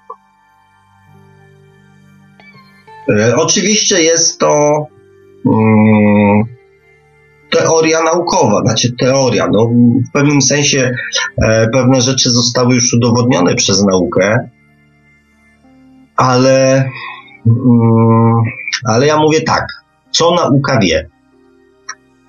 Nauka wie to, co do tej pory odkryła. A czy Ziemia zrobiła się okrągła po odkryciu Kopernika i zaczęła się obracać wokół Słońca? Czy zanim odkryto i nazwano grawitację, tej grawitacji nie było? I czy w momencie, kiedy, nie wiem, zaczęto przerabiać różnego rodzaju e, metale, to znaczy, że one dopiero się pojawiły na Ziemi? Nie. To wszystko było przedtem. Tylko nauka, czyli ludzie potrzebowali czasu, żeby to odkryć. Więc nauka wie tyle, ile do tej pory odkryła. Natomiast co odkryje za rok, dwa, za miesiąc, może za kilka lat, tego nie wiemy. I e, pamiętajcie, że to, że czegoś nauka jeszcze nie potwierdziła, to nie znaczy, że to nie istnieje. Ja nie będę wchodził tutaj w żadne teorie spiskowe, dlaczego, po co, komu zależy, komu nie zależy. Tych teorii jest mnóstwo, natomiast naprawdę nie zamykajmy się i nie negujmy tak od razu czegoś, tylko dlatego, że nauka jeszcze tego nie potwierdziła. To jest takie, że tak powiem, e, moje, moje zdanie na temat, e, na temat e, nauki. Jedyną trudnością w tym wszystkim jest otoczenie, umiejętność mówienia, nie na przykład tradycje religijne, które są narzucane i wszyscy oczekują, że się człowiek podporządkuje i będzie robił to, co wszyscy, bo tak pokrótce. Just me, zapraszam. E, znaczy, powiem tak, e, bardzo dobrze Cię rozumiem. Bardzo dobrze Cię rozumiem. I też rozumiem te dylematy, i też e, rozumiem, i to jest właśnie ta świadomość to jest właśnie ta świadomość.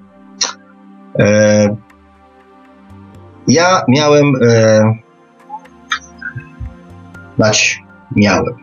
Powiem Wam tak, dopóki nie zrozumiałem właśnie swojej świadomości, dopóki nie zrozumiałem samego siebie, miałem ten sam problem. Ponieważ dla mnie było na przykład oczywiste, nie wiem, tam prowadziłem jakieś tam swoje firmy i tak dalej, było dla mnie oczywiste, że na przykład tam nie zeszły pieniądze z roboty, no i nie mam e, na przykład część chłopaków na przykład z ekipy chciała tygodniówki, bo zjeżdżali do domu na weekendy i chcieli jakieś tam częściowe przynajmniej pieniądze żonom, e, dzieciom poprzywozić, tak? I były takie sytuacje, kiedy ja nie miałem tych pieniędzy. I mm, ponieważ były tam gdzieś zablokowane na jakichś robotach i tak dalej. Więc ja pożyczałem te pieniądze, żeby mieć na, na te tygodniówki dla chłopaków. Oczywiście moi koledzy z branży mówili, stary, no weź im po prostu powiedz, że nie masz i tyle, bo ci nie zapłacili i tyle, nie? Ja ja mogę tak powiedzieć. Tylko problem mój polega na tym, że ja mam świadomość, że um, te pieniądze dla tych ludzi to nie jest tylko dla niego, że on nie wiem, że on nie weźmie tysiąca złotych, tak? I co? To są um, ich żony, które nie zapłacą rachunków, które nie kupią dzieciom, które nie będą miały, że tak powiem, na jedzenie. To są dzieci, które nie dostaną prezentów e, i tak dalej, i tak dalej. To są też być może ludzie, którzy, którzy nie dostaną swoich pieniędzy, bo pożyczyli na przykład żonie na, na coś tam. Ta świadomość właśnie powodowała to, tą taką olbrzymią odpowiedzialność i tą nieumiejętność powiedzenia nie. Ponieważ ja wiedziałem, że moim obowiązkiem jest to zrobić, a to, że nie mam, to nie jest problem tych ludzi. Jedno proste stwierdzenie, nie zapłacę wam w tym tygodniu, bo nie mam, bo to nie to też, że nie zapłacę wam w ogóle, tak, to zapłacę wam w przyszłym tygodniu. Tylko przez to niby prostą, taką głupią rzecz, tak, nie zapłacę wam w tym tygodniu, kilka, kilkanaście albo kilkadziesiąt osób będzie nieszczęśliwych. Nie dwie czy trzy, nie dwóch czy trzech moich pracowników. I nie chodziło o to, czy oni w poniedziałek przyjdą do pracy. Tylko o te kilkadziesiąt osób, które będą w jakiś tam sposób nieszczęśliwe. Przeze mnie. Więc. Yy,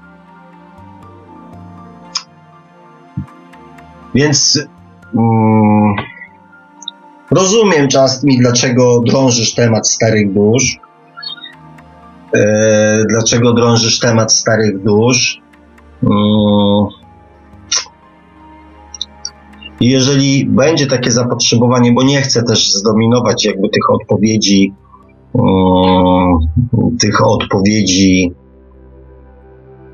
macie te, waszego czasu tylko odpowiedzią na jedno pytanie, E, natomiast e, jak widzicie, właśnie ta świadomość ma e, olbrzymie znaczenie na nasze, na nasze, że tak powiem, codzienne, proste, zwykłe życiowe wybory. Dusza młoda by powiedziała właśnie to, co mi radzili moi koledzy. Nie?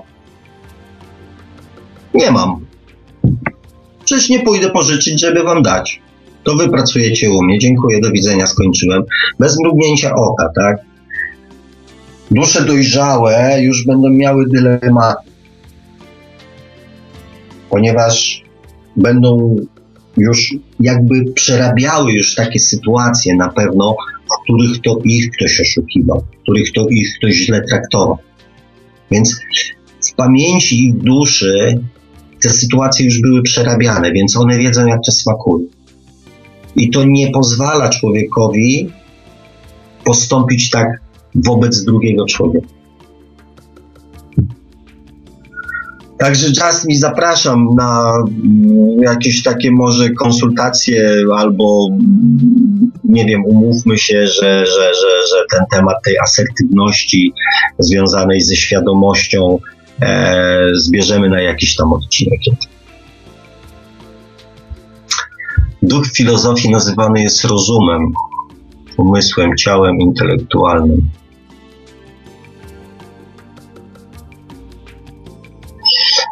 Duch filozofii nazywany jest rozumem, umysłem, ciałem intelektualnym. Jaka jest różnica między duszą a duchem?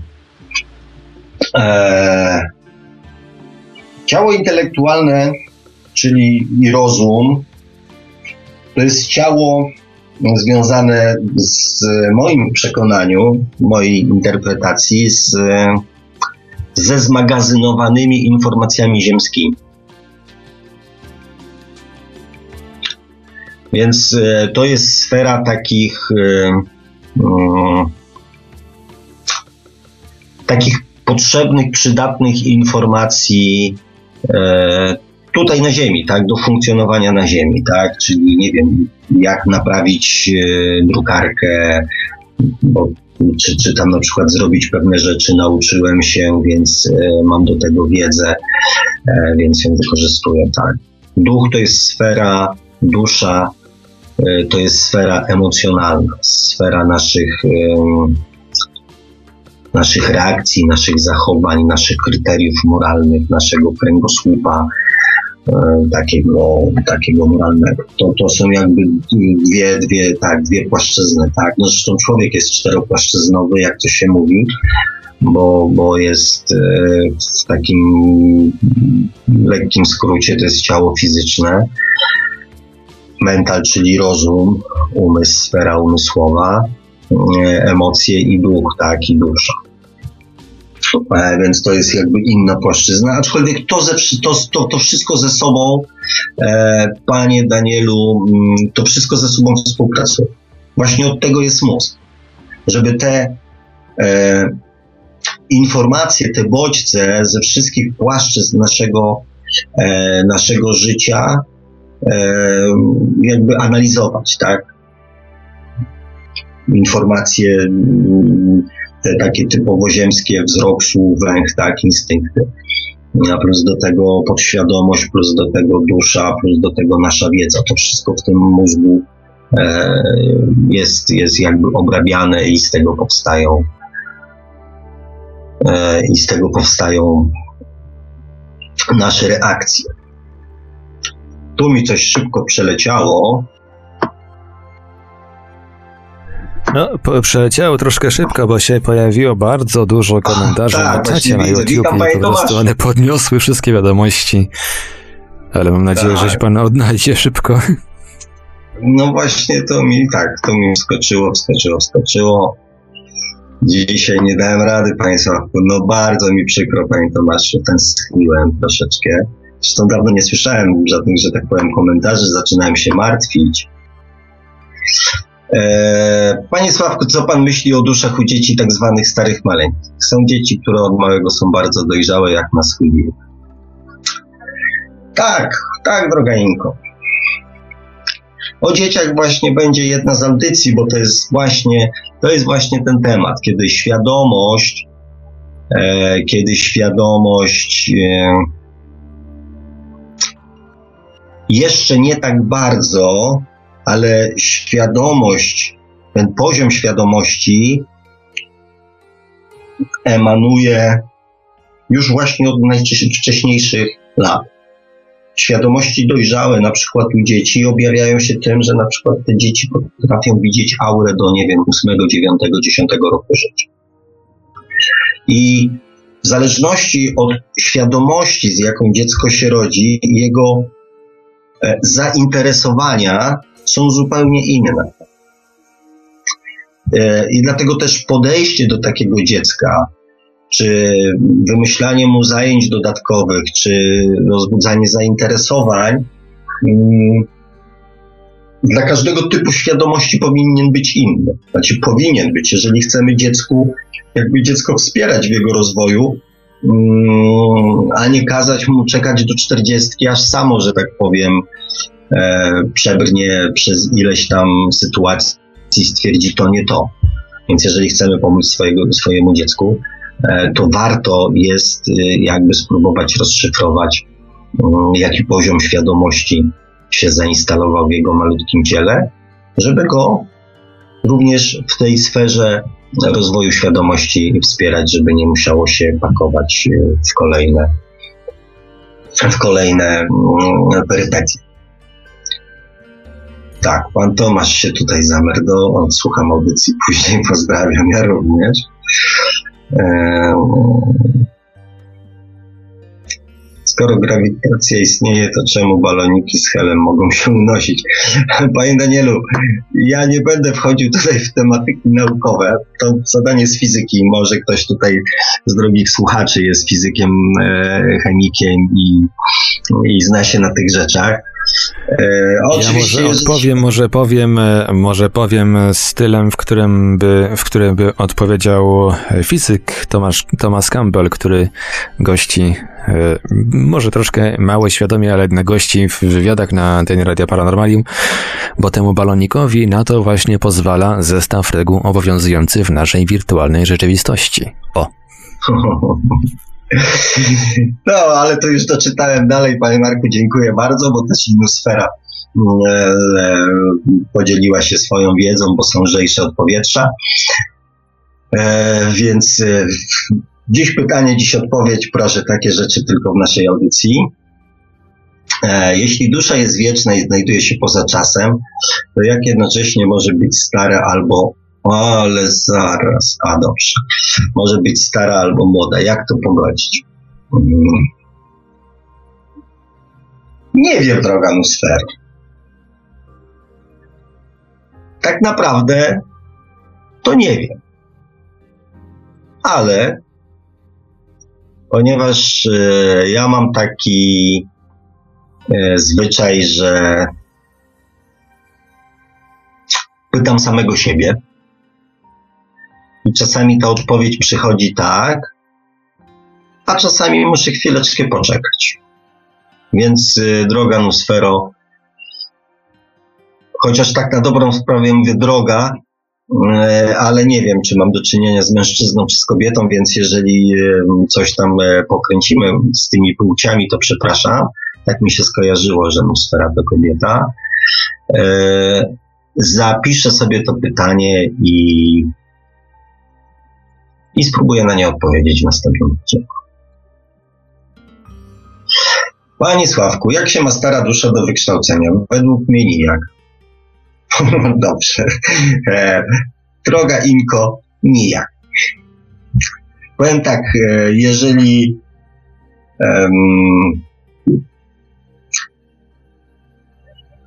jeżeli stara dusza mm, chce coś,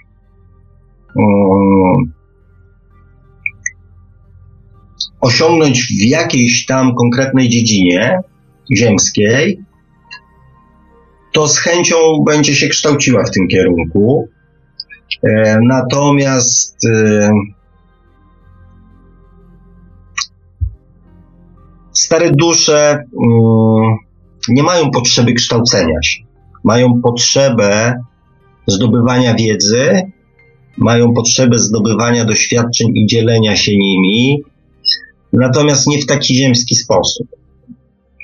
Mm, bo to już raczej mają za sobą. E, stare dusze są takie trochę znudzone. Można by mm, czasami pomyśleć sobie, że one są takie oziębłe i takie nie potrafią się e, zaangażować e, jakby emocjonalnie ale to nie tak, ponieważ stare dusze mają bardzo dużą akceptację i zrozumienie właśnie mechanizmów i doświadczeń i przez bardzo wiele e, jakby doświadczeń przeszły, e, więc potrafią zachować po prostu dystans. A są znudzone, bo wszędzie byłem, wszystko widziałem, wszystko wiem. Trochę to jest tak na takiej zasadzie, tak? Więc e, nijak, zupełnie nijak się to ma z wykształceniem. Coś mi się widzi, że potrzebujemy więcej audycji na temat starych i młodych dusz. Będą, będą, będą. Eee, zwłaszcza, że no, mm, myślę, że też pewne rzeczy się wyjaśnią, jeżeli, jeżeli mm, poruszymy temat związku, bo, bo te świadomości mają takie swoje ulubione relacje i też może, mm, ale dobra, nie będę, że tak powiem, opowiadał o przyszłej audycji, bo to będzie w przyszłym tygodniu, ale zachęcam Was, bo uważam, że temat świadomości i temat związków wynikających z tego powinien być tematem obowiązkowym w liceum albo przynajmniej na jakimś przedmiocie, który się kiedyś nazywał wychowanie do życia w rodzinie albo coś takiego. Ja się nie wtrącam teraz, bo nie słyszałem wcześniej i nie będę psuł audycji. Dzięki, panie Tomku. Także jestem cicho jakoś. No jakoś tak jak na pana, panie Tomku, to faktycznie. E, również potrzebujemy jeszcze porozmawiać o świadomości i podświadomości. O, proszę bardzo. Wiedziałem, że to kiedyś wróci.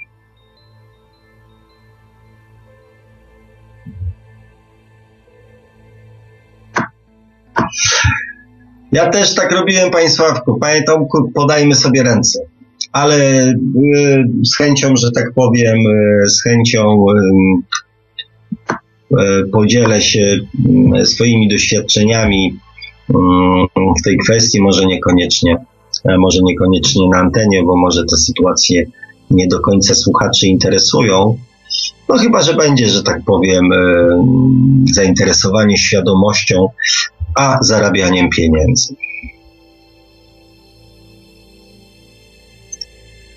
Super, dziękuję. A, dobrze. E, just me, e, tylko bardzo proszę. E,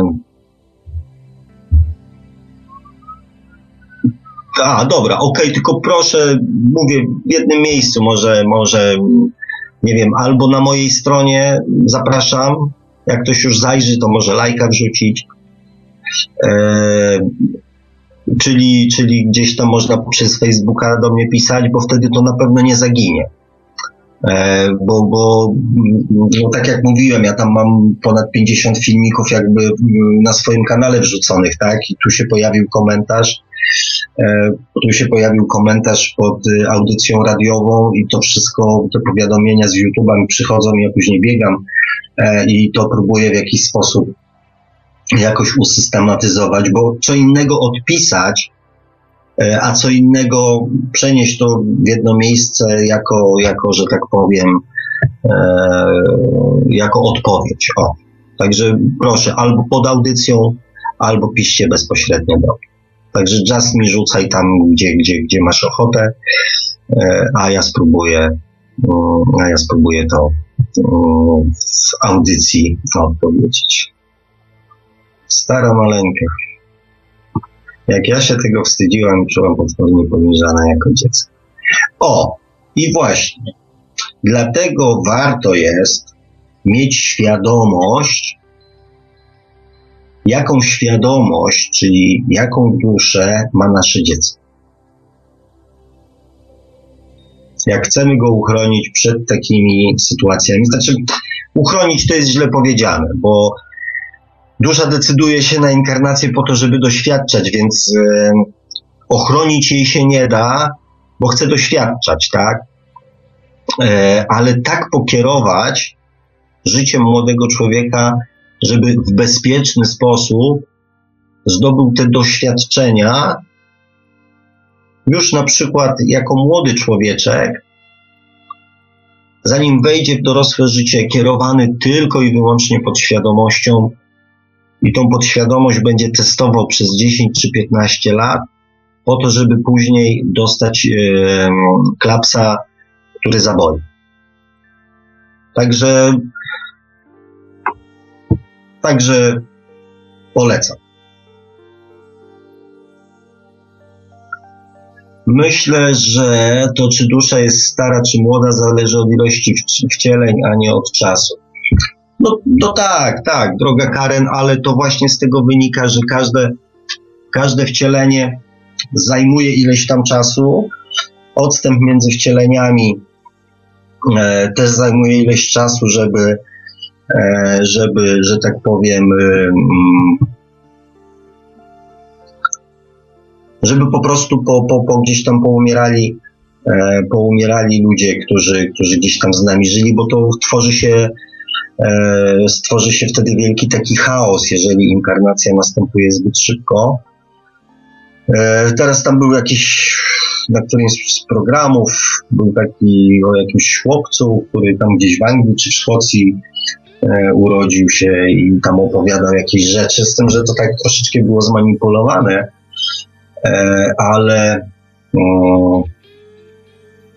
ale ja w książce opisuję przypadek jednej, mm, taki pierwszy zarejestrowany jakby przez, e, przez e, naukowców przypadek e, indyjskiej dziewczynki Devi Shanti, to jest tam z początku XX wieku, która się urodziła, e, która się urodziła tam kilkadziesiąt czy kilkaset kilometrów. E, znaczy, jako dorosła kobieta zmarła podczas porodu dziecka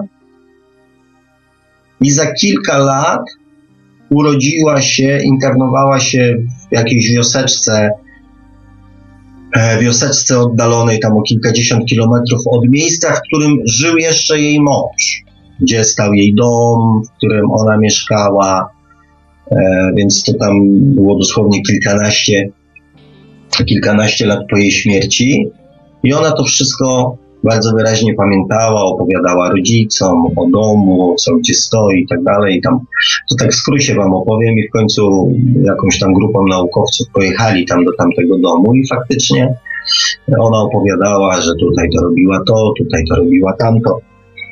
Więc yy, już nie pamiętam, czy ona się z tym mężem swoim spotkała, czy on też już nie żył. W każdym razie rozumiecie, że to mogłoby być kłopotliwe, tak?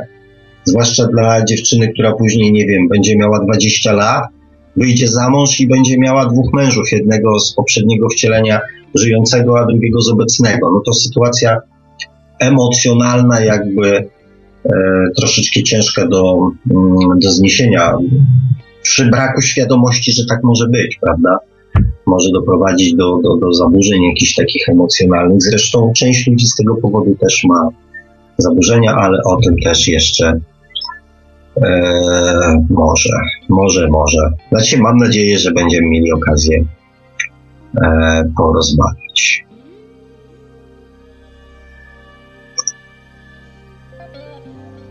Mm, skoro dusza może wrócić do źródła, to być może źródło może powołać nową, nową duszę, aby zaczęła doświadczać. Tak sobie dywaguję.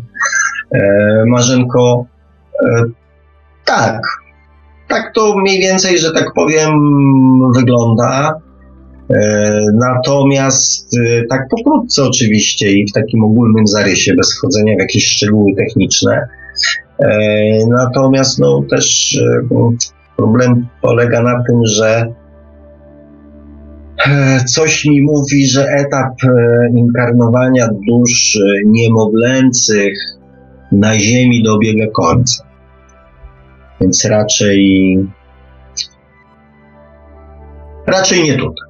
Być może tu jest do temat do zagadnień ufologicznych, być może gdzieś właśnie w tej chwili powstaje jakaś planeta, na której E, na której ten sam eksperyment, który z Ziemią sprzed 4 miliardów lat zostanie powtórzony i tam być może te, mm, te niemowlęce, świeżutkie takie dziewicze duszki będą się mogły e, inkarnować i, i rozwijać. E, Daniel, i też o nadświadomości. No dla mnie, panie Danielu, nadświadomość to nie jest nic innego jak jak właśnie ta część duszy, do której nie mamy dostępu. Przynajmniej na tą chwilę. Ta część duszy, która jest, e, jest gdzieś podpięta do centralnego komputera.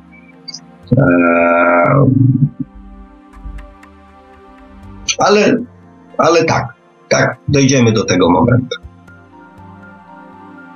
Oj, to jest bardzo cenna informacja pana Roberta. Dwie herbaty wypiłem i bardzo panu zazdroszczę, panie Robercie, bo ja nie wypiłem żadnej. Panie Tomaszu, a jednak nie potrafi pan się powstrzymać, co? Bardzo możliwe, panie Tomaszu. Dużo, że tak powiem, wskazuje, a na pewno na, na dużą dojrzałość. Czy stare, doświadczone dusze też popełniają głupie błędy? Pewnie tak, ale dlaczego, skoro powinny albo i wiedzą lepiej? Droga Inko, stare dusze, skoro tak jak ustaliliśmy się, jednak inkarnują tutaj na Ziemi, to znaczy, że mają coś e, do zrobienia. Coś mają do zrobienia. Więc. E, a nasza podświadomość jest w dalszym ciągu naszą podświadomością. I zawsze ona się pcha pierwsza z podpowiedzią. Natomiast y, ja powiem tak. W momencie, kiedy ułożyłem sobie tą układankę, y, kiedy ułożyłem sobie tą układankę, co tak naprawdę decyduje o tym, jacy, jacy jesteśmy, jakie aspekty na to wpływają, to przyznam Wam się szczerze, że poczułem się, stałem się spokojniejszym człowiekiem. Poprzez zrozumienie dopuściłem swoją świadomość do swojego własnego życia. Nie traktowałem jej jako czegoś, mm, tak jak kiedyś, bo tak było jako coś takiego obcego właśnie, nie, nie, nie, zupełnie nieprzydatnego mi w życiu, tak? Kiedy nauczyłem się czerpać z niej, wtedy wiele rzeczy, wiele sytuacji w moim życiu się po pierwsze, że um, rozjaśniło, poprostowało, a ja odzyskałem spokój. Dlatego dopuszczanie do głosu świadomości pozwala nam rozsądzić, zachować się z rozsądkiem. Czyli dać naszej podświadomości na początku sygnał, że nie ona jest jedynym decydentem o naszych reakcjach i o naszych zachowaniach i o naszych decyzjach. I wtedy, jeżeli zaczniemy do głosu dopuszczać naszą świadomość, wtedy zaczniemy rozsądzać. Wtedy zaczniemy się zastanawiać, a nie reagować. Nie reagować pod świadomością. I wtedy w wielu rzeczach, w wielu sytuacjach będziemy w stanie uniknąć głupich, prostych błędów. Tylko musimy zacząć, musimy zacząć korzystać e, z tego daru, który w sobie mamy, czyli ze świadomości, która przeżyła setki razy więcej niż my przez e, nasze, e, nasze obecne życie tak kiedyś ktoś snuł, że tak powiem, takie, takie dywagacje i takie przeliczenia, że na jeden, na jeden etap rozwoju świadomości składa się od 7 do 10 inkarnacji. Więc, e, więc e, biorąc pod uwagę, biorąc pod uwagę, że średnio teraz się żyje dłużej, ale powiedzmy średniając, że to niech będzie 40, no może 50 lat do łatwiejszego rachunku, czyli maksymalnie to jest 500 lat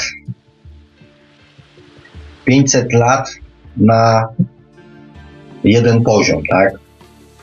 Biorąc pod uwagę, że zakładam, że gros Was jest przynajmniej, przynajmniej na etapie tej dojrzałości, emocjonalnej, e, to, to, to, to już mamy 2000 lat bez przerw. Więc pomyślcie sobie, jacy starzy jesteś. I ja bym tak już od dzisiaj już bym tak nie szastał tym, że o krzyżowcach albo jakichś tam innych, bo to być może tutaj moi kochani słuchacze tam wyżynali na przykład tych biednych ludzi, to albo tam pod Grunwaldem, albo może pod Wiedniem, albo może gdzieś tam, kurczę, z jakimś, jakimś Dżingis Hanem albo Aleksandrem Wielkim. Także kochani, ostrożnie, bo może się okazać, że to było waszym dziełem.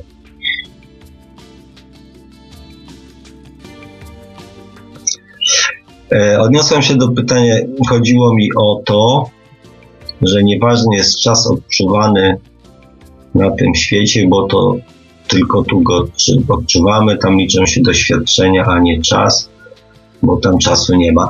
Tak, dosłownie, to znaczy, do, do, dokładnie też tak myślę, e, że, czas, e, że czas jest tutaj takim określeniem ziemskim, mm, że czas jest takim określeniem ziemskim. E, natomiast mm, to chodzi też o odczuwanie tutaj. Bo mm, słuchajcie, no tak naprawdę e, łatwo jest być aniołem w niebie. Tak, wśród aniołów. E, łatwo mm, być świętym, jak się stoi naprzeciwko Boga. Tak? Natomiast właśnie cały dowcip i cały trud polega na tym, żeby być e, świętym tutaj, dobrym tutaj. Przy tych niskich wibracjach, przy tej e, ciężkiej, że tak powiem, energii, o to właśnie chodzi. Bo e, bo to jest trudniejsze. Bo gdybyśmy po śmierci stanęli, powiedzmy, na sądzie, nazwijmy go tak umownie, na sądzie, i tam zostałyby ocenione nasze, e, nasze uczynki, to gdybyśmy nie mieli możliwości powrotu na Ziemię, to jak moglibyśmy udowodnić, że coś zrozumieliśmy? To by była też tylko teoria. Dlatego ważny jest ten powrót tutaj. Żeby tu na Ziemi udowodnić, że się coś zrozumiało, że się czegoś człowiek nauczył.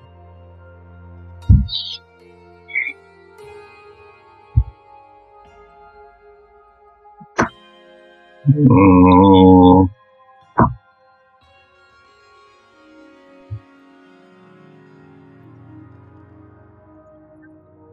Tak, tak, tak. Hmm.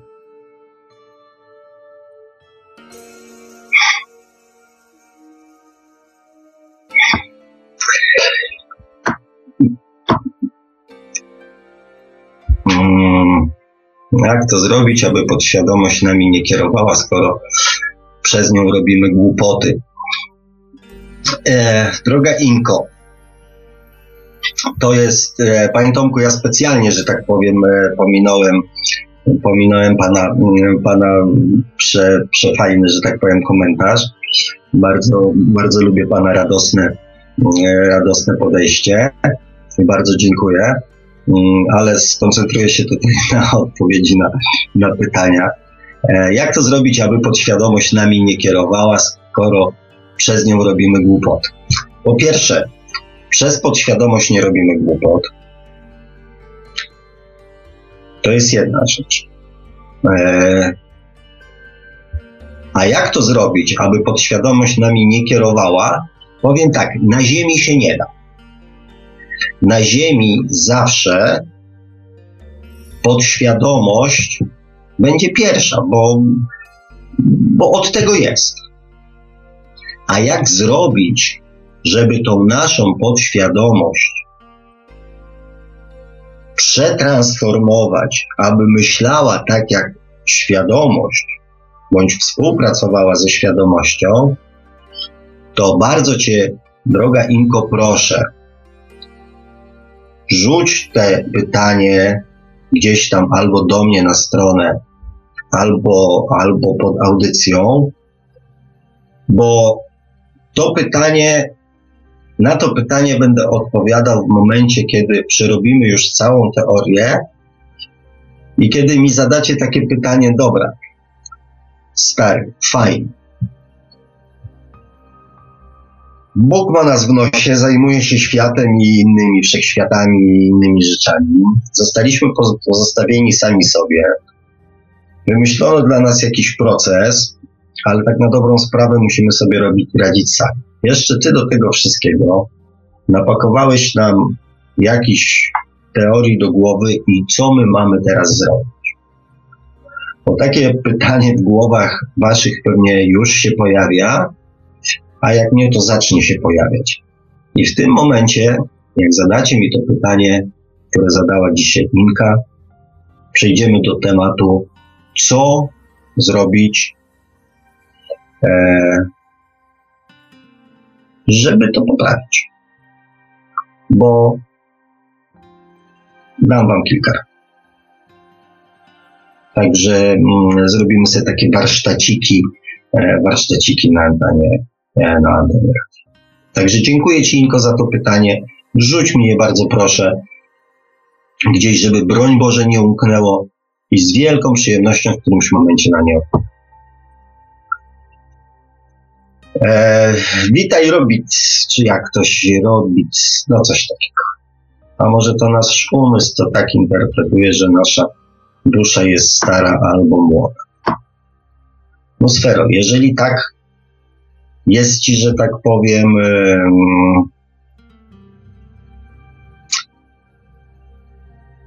bardziej po drodze, to oczywiście nie będę ci w stanie przekonać, tak? Natomiast Natomiast y, mózg jest nabytkiem tutaj jakby typowo ziemskim e, i oto on rodzi się czyściutki i, że tak powiem, e, świeżutki przy każdym, że tak powiem, e, nowym, nowym nowonarodzonym dziecku. Więc pewne rzeczy mm, pewne rzeczy, które dzieją się w naszym wnętrzu, a nie mają żadnego wytłumaczenia, nie mają żadnego wytłumaczenia na przykład z naszego obecnego wcielenia, na pewno pochodzą, e, na pewno pochodzą e, z duszy, z poprzednich wcieleń, więc, e, więc tu mózg raczej to blokuje, raczej to mm, tak jak e, inteligentna poczta pakuje to do spamu. E, natomiast to w snach, w różnych, że tak powiem, sytuacjach, kiedy jesteśmy bardzo wyciszeni, zrelaksowani, to się będzie pojawiać. E, więc, więc tu, tu, tu, tu tak to nie działa.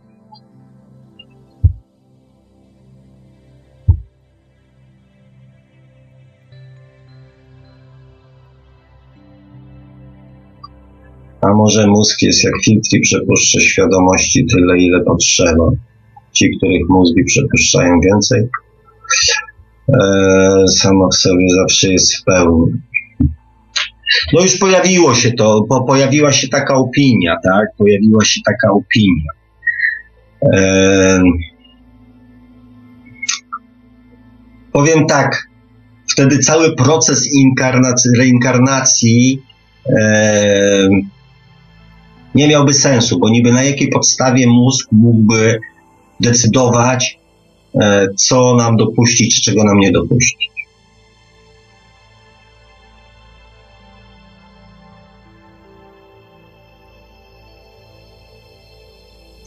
Także tutaj to nie do końca się, że tak powiem, mm, z tym zgodzę.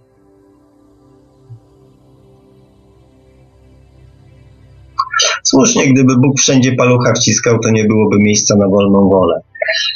Dokładnie, tak jak powiedziałem o tym e, takim symbolicznym raju, tak? Chodzi o to, żeby to był raj stworzony za naszą zgodą, na naszych e, zasadach e, i no i taki jak chcemy, żebyśmy my sami zadecydowali, że w nim chcemy być.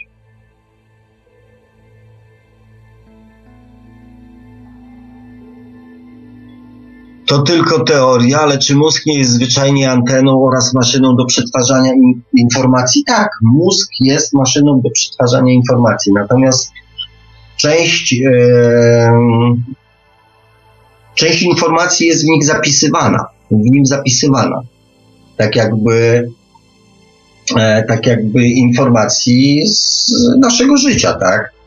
Przecież e, jak nie pamiętamy, jest mało ludzi, którzy pamiętają E, swoje doświadczenia, e, swoje doświadczenia e, z dzieciństwa.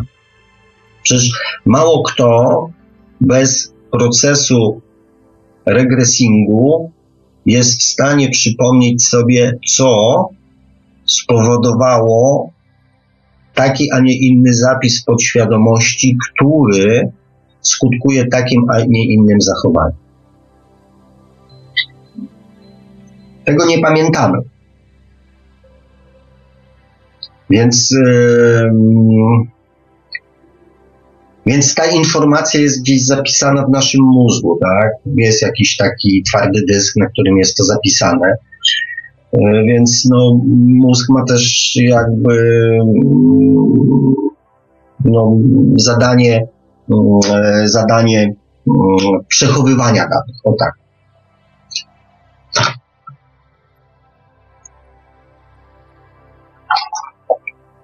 No i w ten sposób, kochani, widzę, że. Mały rekord. Że pytania się zakończyły, przynajmniej na tą chwilę. E, mały rekord e, w sensie długości.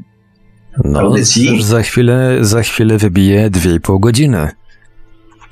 Faktycznie. A poprzednio nie było tak jakoś no, poprzednio się zbliżyliśmy do dwóch, dwóch godzin. To tak skaczemy tak? co pół godziny.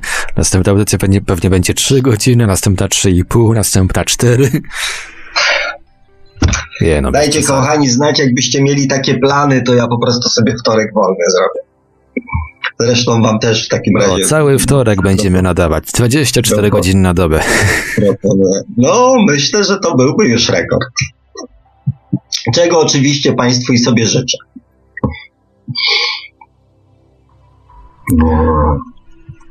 No dobrze, chyba panie Marku, w takim razie mm, z wielką przyjemnością. Jezus, te właśnie, właśnie teraz się pojawiły kolejne komentarze na czacie. Tak, od, e, no może. Od to... pana Krzysztofa Rabinka, znowu atmosfery. E, kochani, nie, macie jeszcze... Rekord, rekord, e, wbrew temu, co tutaj Nosfera pisze, rekord e, nie należy wcale do Claude'a Monet z House, tylko do debaty ufologicznej. Ponad 6 godzin 20 minut wtedy trwała ta, ta najdłuższa audycja. Także jeszcze do no, rekordu trochę brakuje. No to idziemy na rekord. No to już rozumiem tęsknotę słuchaczy w takim razie.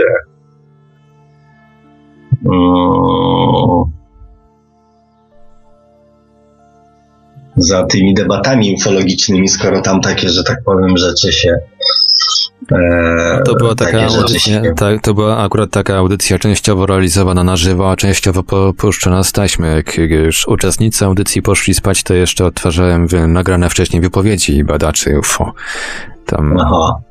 badaczy, świadków, coś tam jeszcze sam wcześniej nagrałem. Także no, łatwo było pobić taki rekord. No na żywo, całkiem na żywo to już byłoby trudniej chyba. No, ja powiem tak, no, ja się nie zarzekam, że tego nie zrobimy.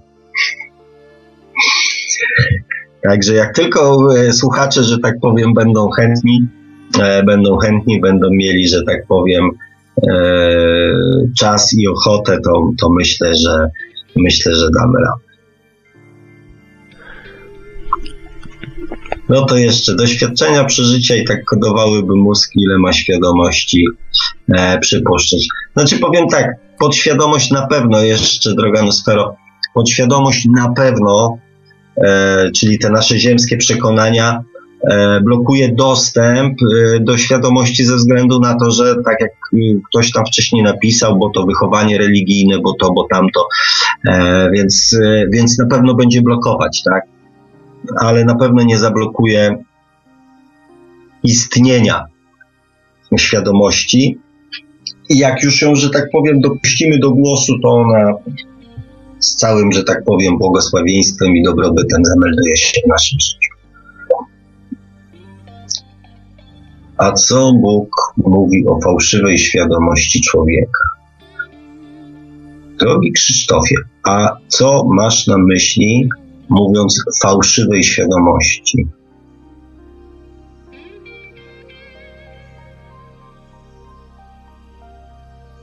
Just mi pozdrawiamy i Ciebie.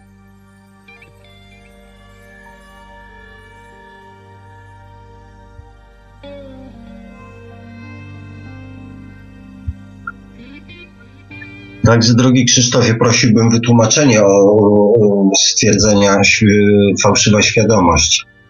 Pan Tomasz to widzę, nie wytrzymał. Dlaczego 16-18 lat człowiek jest odpowiedzialny w naszym ludzkim systemie, tak zwane prawo, na przykład stworzone przez przybyłe pokolenia, za czyny, których nie rozumie.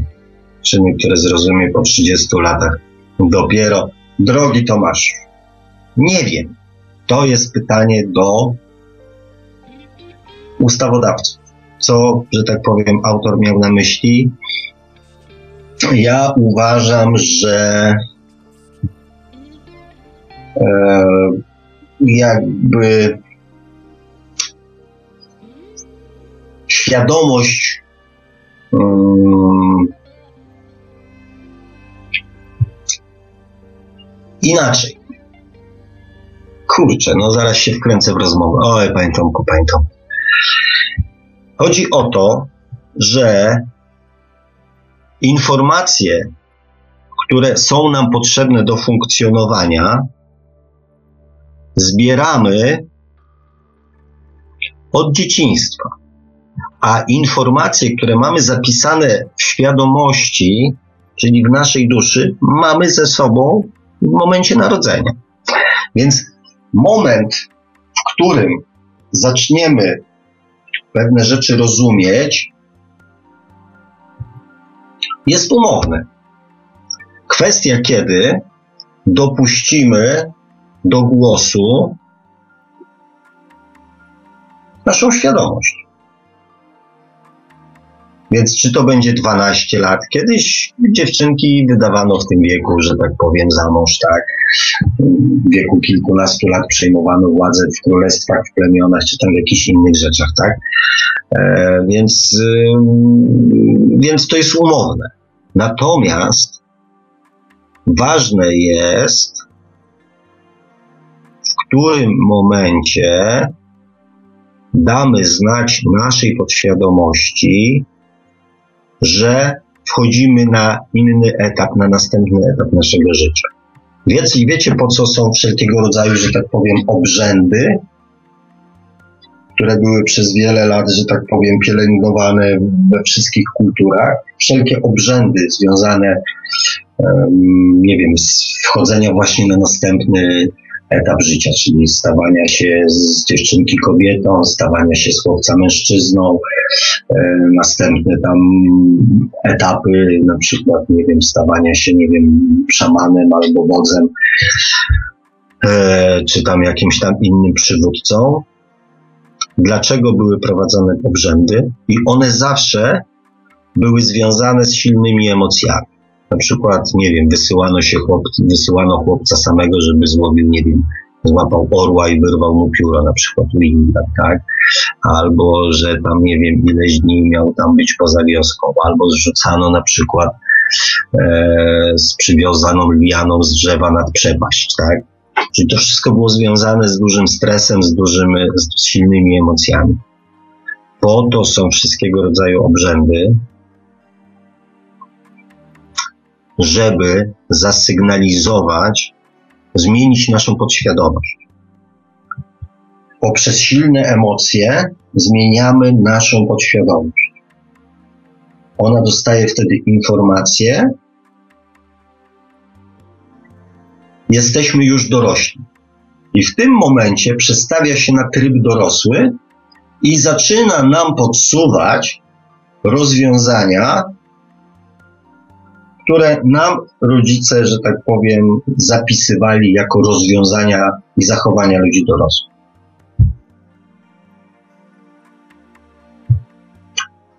I to jest też bardzo ważny, to jest też bardzo ważna rzecz, ponieważ jest to odpowiedź, jak w szybki sposób. Tutaj bodajże e, Inka zapytała o to, jak, jak to zrobić.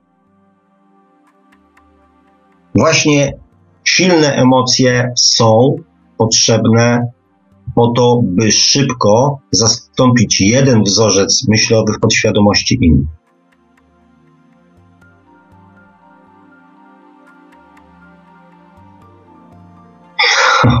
Panie Tomku, pan pisze, spokojnie, ja żartowałem. E, panie Krzysztofie, już czytam. Fałszywą świadomość mają fałszywi prorocy mówiący w imieniu Boga. Często sami wymyślali swoje własne wyobrażenia. E, I pytanie jest, e, pytanie jest,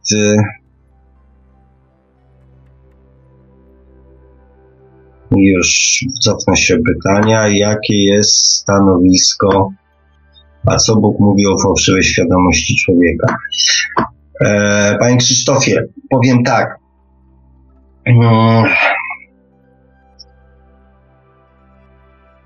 No, z przykrością się przyznam, że ja tak bezpośrednio to z Bogiem nie rozmawiałem.